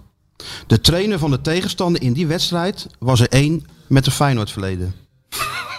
Je zit er ook heel speciaal bij te kijken. Het is niet alleen dat je een gekke stem opzet, maar Nee, je maar- kijkt ook heel ondeugend naar me. Zo van, ah, alsof ik het zou weten. Dit. Ja, ik, ik kan dat- me helemaal niet concentreren op deze vraag. dat hoop ik dan. Halverwege deze vraag denk ik al, hou maar op. Maar ik hoop dan dat ik, dat ik ineens zo'n zo'n ik- twinkeling in die ogen Nee. ziet van... hé, hey, dat ik weet keek, ik. keek eh, naar Raymond en ik zag ook bij hem een kleine... Ja, ik was hem ook, halverwege. Zal ik hem dan nog ook, een keer eh, doen? checkte ik ook uit. Zal ik hem dan nog even nog één keer doen? Komt-ie. Dat licht uitgaan. Ja. Komt-ie. Een ex-speler van Feyenoord dus. Ik ben Oh, geen... ja, je, oh, je bent nu niet jezelf. Nee, Jij doet het namens een speler. Ja, dat is wel goed. Nee, ik ben niet mezelf. Oké. Ik ben, ik ben geen Rotterdammer. Speelde mijn laatste officiële wedstrijd tegen een club uit mijn geboortestad. De trainer van de tegenstander in die wedstrijd was er één met een Feyenoord verleden. Nou, makkelijker kunnen we het niet maken. Oh, jeetje. Nee, ik heb echt geen... eh Ja, ja, geen hoeft ook niet, die kunnen gewoon inzenden richting... eh, Dit is buiten Waar kunnen mensen naartoe sturen, Sjoerd? Want jij wilde het via DM, hè, geloof ik? Nee, mag op eh, Twitter. Ja, via DM of gewoon los ook? Nee, onder de video die ik post, daar kunnen ze laten weten. Ja, die video met, eh, met hem op die wereldbal. Nee, dit is met het Feyenoord weet Oh, dit is met Feyenoord, weet je. Boelijn, Dirk Kuyt. Kan je hem er ook niet tussen shoppen nog? Dat is toch gewoon voor het leuke? Hebben die zal niet foto, hebben die foto al genomen van zijn achterhoofd of nog niet? Ja. Oh ja, staat dan weer iemand een foto. iemand anders staat er weer iemand een foto van mijn kale kop te maken. Ja, dat is, een soort... En eh, zelf heeft hij een muts op, weet je wel. Dat Ja. is ook Maar kijk, ik heb een petje bij me, hè? Hey, Sjoerd. Dus eh, Ja. als, het, als het me niet meer bevalt, dan zet ik een pet op. Maken we zo'n foto met Ja, ja. Maak zo'n foto met pet. Hè, hè, zijn we een beetje aan het Ja, slot? ik Want even ik kan me vragen. voorstellen dat Raymond ook wel iets anders te doen heeft dan eh, naar dit gewauwel te luisteren. Nee hoor, ik heb tot eh 9 uur Tot half vier, vanavond negen heb ik, vanavond eh, tijd. heb ik ingepland.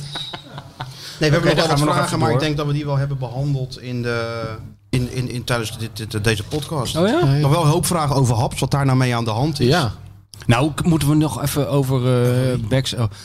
Heb- wat, nee, je moet wel even Blankenmeijer noemen nog. oh ja, Blankenmeijer. Vertel eens wat Ja. over Blankenmeijer Ja, we doen Heb je altijd. dat eh, gehad? heb jij? We doen altijd. Ik heb me voorgenomen om de ge- herinneringen aan mijn favoriete Feyenoorder aller tijden, Fred Blankenmeijer, levend te houden.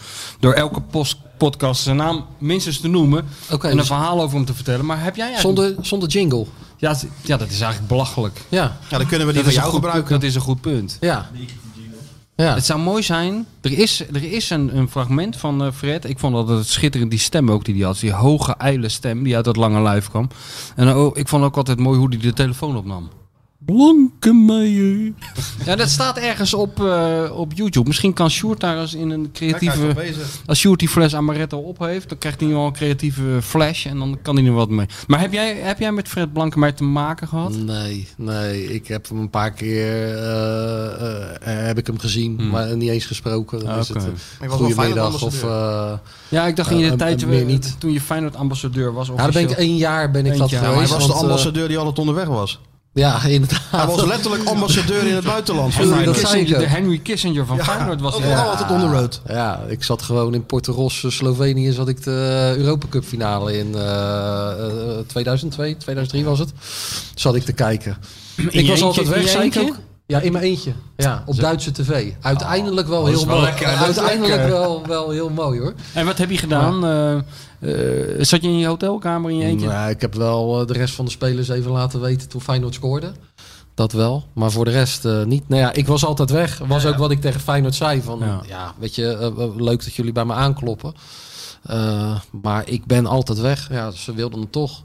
Ja. Ja. ze kwamen uiteindelijk kwamen ze geloof ik na drie jaar kwamen ze bij eh, Renate eh, Verbaan of eh, Renate Ja. Gerstanovic is het ook nog een jaar ge- geweest. Ja. Is dat nog geweest? Hebben ze dat nog eigenlijk? Nou ja, er zijn Nee, eh, volgens mij niet. Volgens mij. eh, de, de prominente Feyenoord supporters zijn een beetje op. Ik is- denk dat ze zijn bij jou uitkomen. Nou, volgens mij hebben we toch de, op dit moment zo'n beetje de bekendste Nederlander, eh, Diederik Gommers. Ja, Ja, zeker. hij heeft hem staan in zijn Die zag, ja, dat zag ik Goed, ergens Ja. voorbij komen. Dat Ja. hij, eh, Geweldige kersttrui dat Ja. hij aan, zegt die man. ja. Hè? Als, er dan, als, er, als er dan toch iemand zijn wattenstaaf in mijn neus moet steken, dan liever zijn man in zo'n kersttrui, zeg. Ja? Gezellig. Ja, tuurlijk. Nee, die moet ook een keer langskomen. Moet ook een keer langskomen, ja. Gelijk even testen dan. Als hij er toch is. Hem even testen. maar goed, even over Hapstam. Ja. daar, daar komen heel veel vragen over binnen. We hebben natuurlijk uit Feyenoord ook Nee, gevraagd. maar ik wou nog even over die Johnston. Ik ben heel even, Oh ja, ja, en- ja, maar sorry. ik ben wel heel even benieuwd Zal ik naar even Haps. Doen? Ja, Hij maar- is benieuwd naar Haps. Ja. Het is ook niet heel, heel spannend, denk ik. Of tenminste volgens Feyenoord. Maar het schijnt dus te zijn dat hij tussen aanhalingstekens ziek is. En dat hij eh, daardoor niet kan, eh, kan, kan spelen. Dus er is gewoon iets, eh, i- i- i- iets gebeurt waardoor hij eh, niet, kan, eh, niet kan spelen. Maar ik je leest natuurlijk ook alle, allerlei in- indianenverhalen nu over... eh, Ja, maar dat is toch niet zo gek, zoals jij nee, natuurlijk nu niet. al Nee, nee, nee. Ja, maar het is ook ja. moeilijk om Ja, dat, eh, om, om, om, om, dat te zeggen. Maar laten Ja. we zeggen dat hij niet in staat is om te spelen. Ja, En dat het eh, om, de, om de ziekte wordt, wordt, eh, wordt geschaard. oké. Dat is tenminste de officiële we- lezing van, eh, van Feyenoord. Laten we Dus geen ernstige blessure of wat ook, maar gewoon even, maar- even niet in staat om... Maar als, je, als iemand ziek is en je wil vervolgens niet zeggen wat hij heeft... Dan voed je de geruchten. Ja, Ja, ja, dan ja, voed ja. je de geruchten. En ik, ik heb wel Nee, meteen zoiets ik. van... Oeh, weet je, het laat, nou ja, laten we in ieder geval op het tafeltje hier Zeker, afkloppen... nou, maar- dat het niet eh, dan te eh, ik heb Feyenoord erover is. gesproken en die hebben gezegd dat het... eh, dat het aan hem is wanneer die, wanneer die terugkeert. Dus, Ja, dus, dus oké. nou, is het enige wat we dan over kunnen zeggen. Ja, fair enough. Ik, Ja. Niet dat mensen er heel veel mee opschieten. Maar, Maar ja, maar dat goed. is in ieder geval de officiële lezing van, Hmm. eh, van Feyenoord. En dan was het Johnston. Of Blankenmeijer. Dat Nou, nou Blankmeijer, ze hebben in ieder geval zijn naam genoemd. Ik, ben, ik kan me nu even niet... Nee, ik was wel gefascineerd door die, door die Johnston. Ik was sowieso benieuwd natuurlijk, want die loopt er toch al anderhalf George jaar. Johnson. Ja, Johnson. Johnston. Johnston. Ja. Johnston. Ik bedoel, ehm, ja, ik weet niet. Ik, ik- kijk, als, de- als je op een gegeven moment gaat merken dat de tegenstander je een beetje vrij laat, dat is al pijnlijk. Maar als je merkt dat je medespelers je dan gewoon weigeren aan te spelen, dan wordt het wel heel Ja, vervelend, dat toch? zag je wel een paar keer. Dat hij nou, dat zag hij heel duidelijk, ja. En dat je bijvoorbeeld Senesi dacht van... Nee, dat doen we kijken niet. op rechts of daar ook. Even draaien en gewoon even die bal aan een peer geven. Maar Ja, hoe? deze jongen is geen linksback. Is gehaald als een soort centrale verdediger. Ja, het is een schot. Dus het is, hij doet altijd zijn best. Het is een aardige gozer in de groep. Zo hij zag het zit er ook helemaal niet uit. Vond hij zijn best niet deed. Niet echt. Je Ik zag de tweede helft, toen hij iets centraler kwam te spelen, had hij toch een aantal keer dat je zag van oké, hij won zijn duels, een aantal slijdings. Maar het is natuurlijk geen top, nee. Het is niet een speler waar Feyenoord echt, echt mee verder kan. Maar goed, hij is er. Ja, maar ik, vind zo, ik vond zo'n Hij eet geen brood, zeggen ze bij wijze van spreken. Nou, je ja, hebt er een ook niks beetje. aan. Maar je hebt er ook niet zoveel aan. Ja, het is eigenlijk een centrale verdediger. En hij valt eigenlijk vooral op dat hij altijd in zijn korte broek op de bank zit. Al is het min 15. Is dat zijn... eh, Zijn handelsmerk. Nou ja, ze zeggen dan, eh, als het koud, uitwedstrijd koud, vorig jaar ook een aantal keer uit bij Herenveen of zo. Dat, dat je iedereen in die winter, als ze ziet, een trainingspak. En dan komt hij in zijn korte broek. Waar doe je nou een korte broek aan? I'm from Scotland. ja. Maar de- Dat, dat is het dan. dat, dat is het. Daarom hebben ze hem ik gekocht. omdat hij goed ik- in zijn korte broek op een bank kan Nee, zitten. het is gewoon een Ik tipje van Dirk Kuyt. Die had Een gezegd, tipje ik, van ik- Dirk ik, ken er nog één bij Liverpool. Toen hebben ze Liverpool gebeld. En die hadden gezegd, nou dat is inderdaad geen onaardige speler. We sturen een aantal scoutingrapporten jullie kant op. En die, ja, dat stond was natuurlijk geen hele slechte scoutingrapporten. Dus toen dacht Feyenoord van, weet je wat, we nemen hem. Ik zal ook eventjes naar al die grote bedrijven die jullie net noemden... zal ik even een scoutingsrapport over jullie zal ik, Ja. eh, sturen. Dat zou wel Want als het zo, eh, als Ja, het zo. zo makkelijk Dan is... ga ik ook in mijn eh, korte broek ergens op zitten hoor. Ik Ja. wil gewoon hier elke... We Maar- kunnen het ook gewoon de head and shoulders dik voor elkaar podcast noemen, toch? Ja, toch? Ja, Zonder weten. Ik vind het helemaal best. Gaan we eindelijk naar de next level. Toch? Ja, toch? En misschien, als, er- omdat het toch over haarproducten gaat, een paar van die foto's die Sjoerd van mij maakte opsturen alvast. Om te laten zien dat er werk aan de winkel is. Misschien, Maar- misschien Hair World Istanbul en dat je dan over... Samen over met Dick. En dat je dan over zeven maanden met een enorme krullenbos hier aan, achter, achter die microfoon Wordt dit het punt voor mij om eventjes weer terug te gaan naar het onderwerp waar, Ja. het- waar, waar dit stukje mee begon. Ik vind het inderdaad wel bizar als jij dat zo zegt. Weet je wel, van inderdaad, ja, er zijn een paar scoutingrapporten Ja. en eh Kuit is gekomen of een eh, zaakwaarnemer is daarmee gekomen. Ja, kan me, ik, ik kan me dat gewoon niet voorstellen dat zo'n gozer... Het Dat, was net in die periode dat, dat Van Geel weg was. Was een soort interbellum. Jacques Troost stapte erin. Eh, ze hadden een technisch hart geformeerd met een aantal mensen. ja, maar er zit, toch, er zit toch 24 uur in een dag? Weet je, dan, dat moet, dan zou er toch één eens. iemand moeten zijn die zegt van... Oké, op maandag kijk ik 10 uur Johnston. Op dinsdag kijk ik 10 uur Johnston. Die moet er trouwens wel gigantisch voor, goed voor vergoed worden dan natuurlijk. Maar Dat wel. We moeten, we moeten die gozer ook niet te snel Nee, uur hij kan er niks aan doen. Nee, hij kan er niks aan Zit ik gisteren Johan Derksen wel af te zeiken dat hij alleen maar makkelijke ballen inschiet. Doe ik nu hier zo precies hetzelfde. Ja. Dat is een beetje... Maar dat je dan gewoon 30, 40 uur van zo'n gozer kijkt. eh, iemand met verstand van voetbal. En dat je op basis daarvan iemand bij je club eh, wel of Ja, niet aanneemt. Het is de ideale wereld. Maar Vlieg er even Ja. heen. Hij, hij voetbalt niet in de binnenlanden van Nieuw-Guinea. Nee, het is een uurtje vliegen. Dan kan je hem gewoon aan het werk zien. Jij zegt schets de ideale wereld. Ik dat- denk toch dat verdomme, klopt, dat ik schets toch de normale Zeker, wereld. maar in die periode was het gewoon even... Ik ben het helemaal met je eens hoor, trouwens. Alleen ja, de, de technische Zo gaat het. Ze Ja. hadden geen tijd. Rob Jansen adviseerde. En we hebben het voor de uitzending... Als Rob adviseert, adviseert hij. Dirk kwam hiermee. Ehm er hadden spelers nodig. Een linksbenige centrale verdediger. Nou, laat maar komen. Ja, dat, daar komt het Dat is toch echt bizar. Dat is ook heel De bizar. volgende En- stap is gewoon dat ze een potje lingo spelen s'avonds. dat ze allemaal namen op die ballen zetten. En dat ze, de, dat ze er eentje uithalen. En vandaar willen ze daar nu mee breken. En daar is Arnissen dan ook op zijn manier mee ja, bezig. Ja, nou ja, dat... eh ja, Hij kon misschien het wel slot ook wel aardig voetballen, begreep ik. Hè? Linkspoot. Wie? Jij? Eh, ja, maar ik zat van de week bij Pep Talk en dan kwamen ze met een eh, oud clipje waar ik gigantisch door mijn stokken gespeeld Oh ja? werd. In de zaal? Dus, eh, Ja. Nee, maar ik vond, nee, was, dat was niet in de zaal. Eh, nee, maar ik, ja, ik ja, kan Ik begreep wel dat je wel een keer tegen een soort muur bent opgebotst en dat al je tanden erin zaten of zo. ja, ja, dat klopt. Ja, ik eh, ik, speelde research. zaal, Research. ik speelde zaalvoetbal met eh, nou ja, Sander de Kramer en Hugo Borst in het Rotterdamse wel bekend. En eh, volgens mij was het niet eens nodig. Volgens mij stonden we weg 4-2 voor of zo. En was er nog 30 seconden te spelen. En af en toe heb je dan die zaaltjes. Dan is die muur, die zit echt eh, eh, nog geen anderhalve meter naast, naast die zijlijn. Ja, en ja, dat zit er waarschijnlijk toch gewoon bij mij in. Als ik dan die bal wil hebben, wil ik die bal hebben. En ik was in duel met iemand. En die geeft me gewoon een meter voor die muur. Geeft hij op het juiste moment nog een schouderduwtje. En toen, ja, toen viel ik wel net voor die muur viel ik, op de grond. Maar wel echt plat op mijn op mijn mel. En toen kon ik de volgende dag naar de tandarts met een, eh, met een voortand die, eh, die eraf lag. Wat Ja. was dat dan, via of zo? Ja, ja, via, eh, in, wat was het? Via 4 Ja, of via 14 vier. of eh, 4? Kees-Jan Sloek. Ja, Hugo. ja. Emiel De zoon- zelf is zoon nog van Vaas Wilkes. daarvoor natuurlijk. Ja, ja Michael. Ja. Ja. Ja. Leuk. ja, mooie tijd. Donderdag gaan we het wel weer zien, hè? Yes. Ja, Als het dat toch doorgaat in Europa, dan, dan wordt dat standbeeldje voor Dick toch wel weer... Hè? dan moeten we hier gewoon de meent gaan ontruimen voor dat standbeeld. Dan moet dat hier gewoon eh, hier komen ja, maar hier, nee, hier komt het standbeeld voor Korpot. Voor? Korpot, ja. In Meent komt het standbeeld voor Korpot, eh, en voor alleen. Dick moeten we ergens een ander, ander plekje verzinnen. Ja, ja. We vonden het leuk dat je er was. Ja, ik vond het eh, hartstikke gezellig. We hebben Bedankt ja- eh, voor de uitnodiging. En wees nou blij dat je niet elke week hoeft, want dat had ook zo gekund, hè? Als je niet met die tennisser eh, op het pad was Ja, ook dat. En eh, nog twee keer lullen. En we hebben Jan en Baan geholpen in de Kuip. Dat is niet zo moeilijk. Nou, dat is een kwestie, dat is de volgende stap. Dit is het eerste opzetje en eh, die koppen we binnenkort in. En dan is het zover. Ik eh, ga snel naar mijn telefoon toe, eh, zo. Ja. Ik En denk, denk morgen, dat ze morgen bellen Wat, of wat, zo. het is eigenlijk een perfect leven zou dat zijn. Weet je wel, je hebt een geweldige tenniscarrière gehad. Dus je kan lekker thuis gewoon een beetje terugkijken op wat je allemaal gepresteerd hebt. Je past af en toe op Dizzy, dat ik dat gezeik niet heb. Nou, en je regelt meer, het bij Feyenoord. Nou, Schijnt helemaal niet, niet te kunnen. Weet ik het en Ja, zo- Dizzy, zo Poekie- kan het. Poekie en Dizzy gaat toch niet goed? Zo? Klinkt hartstikke lekker, maar zo kan ik het niet doen. Nee? Zo zou ik het nooit kunnen doen. Als ze zeggen twee keer in de week een beetje meekijken. Sla die Nee. een keer een klauw op Nee, zijn dan moet je- schoten. dan moet je dagelijks Nodig die een keertje uit voor het taai. Nee.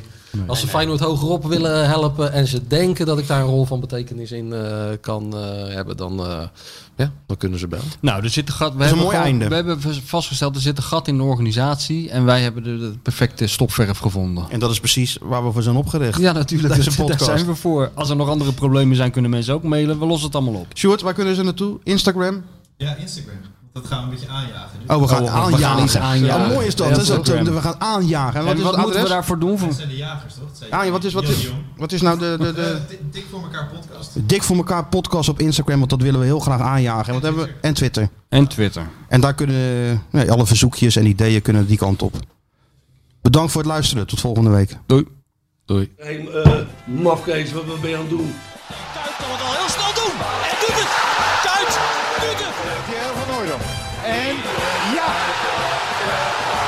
Het is Pierre van Hooydonkavond. Het is de Pierre van Hooydonk Cup. Met elkaar communiceren, met elkaar praten, dat is toch een heel groot probleem hoor. Natuurlijk staat dit schitterende stadion bekend om zijn sfeer. Maar zoals vandaag heb ik het toch echt eh, zelden meegemaakt. Ik denk dat ik dat gezegd heb, maar dat heb ik niet gezegd.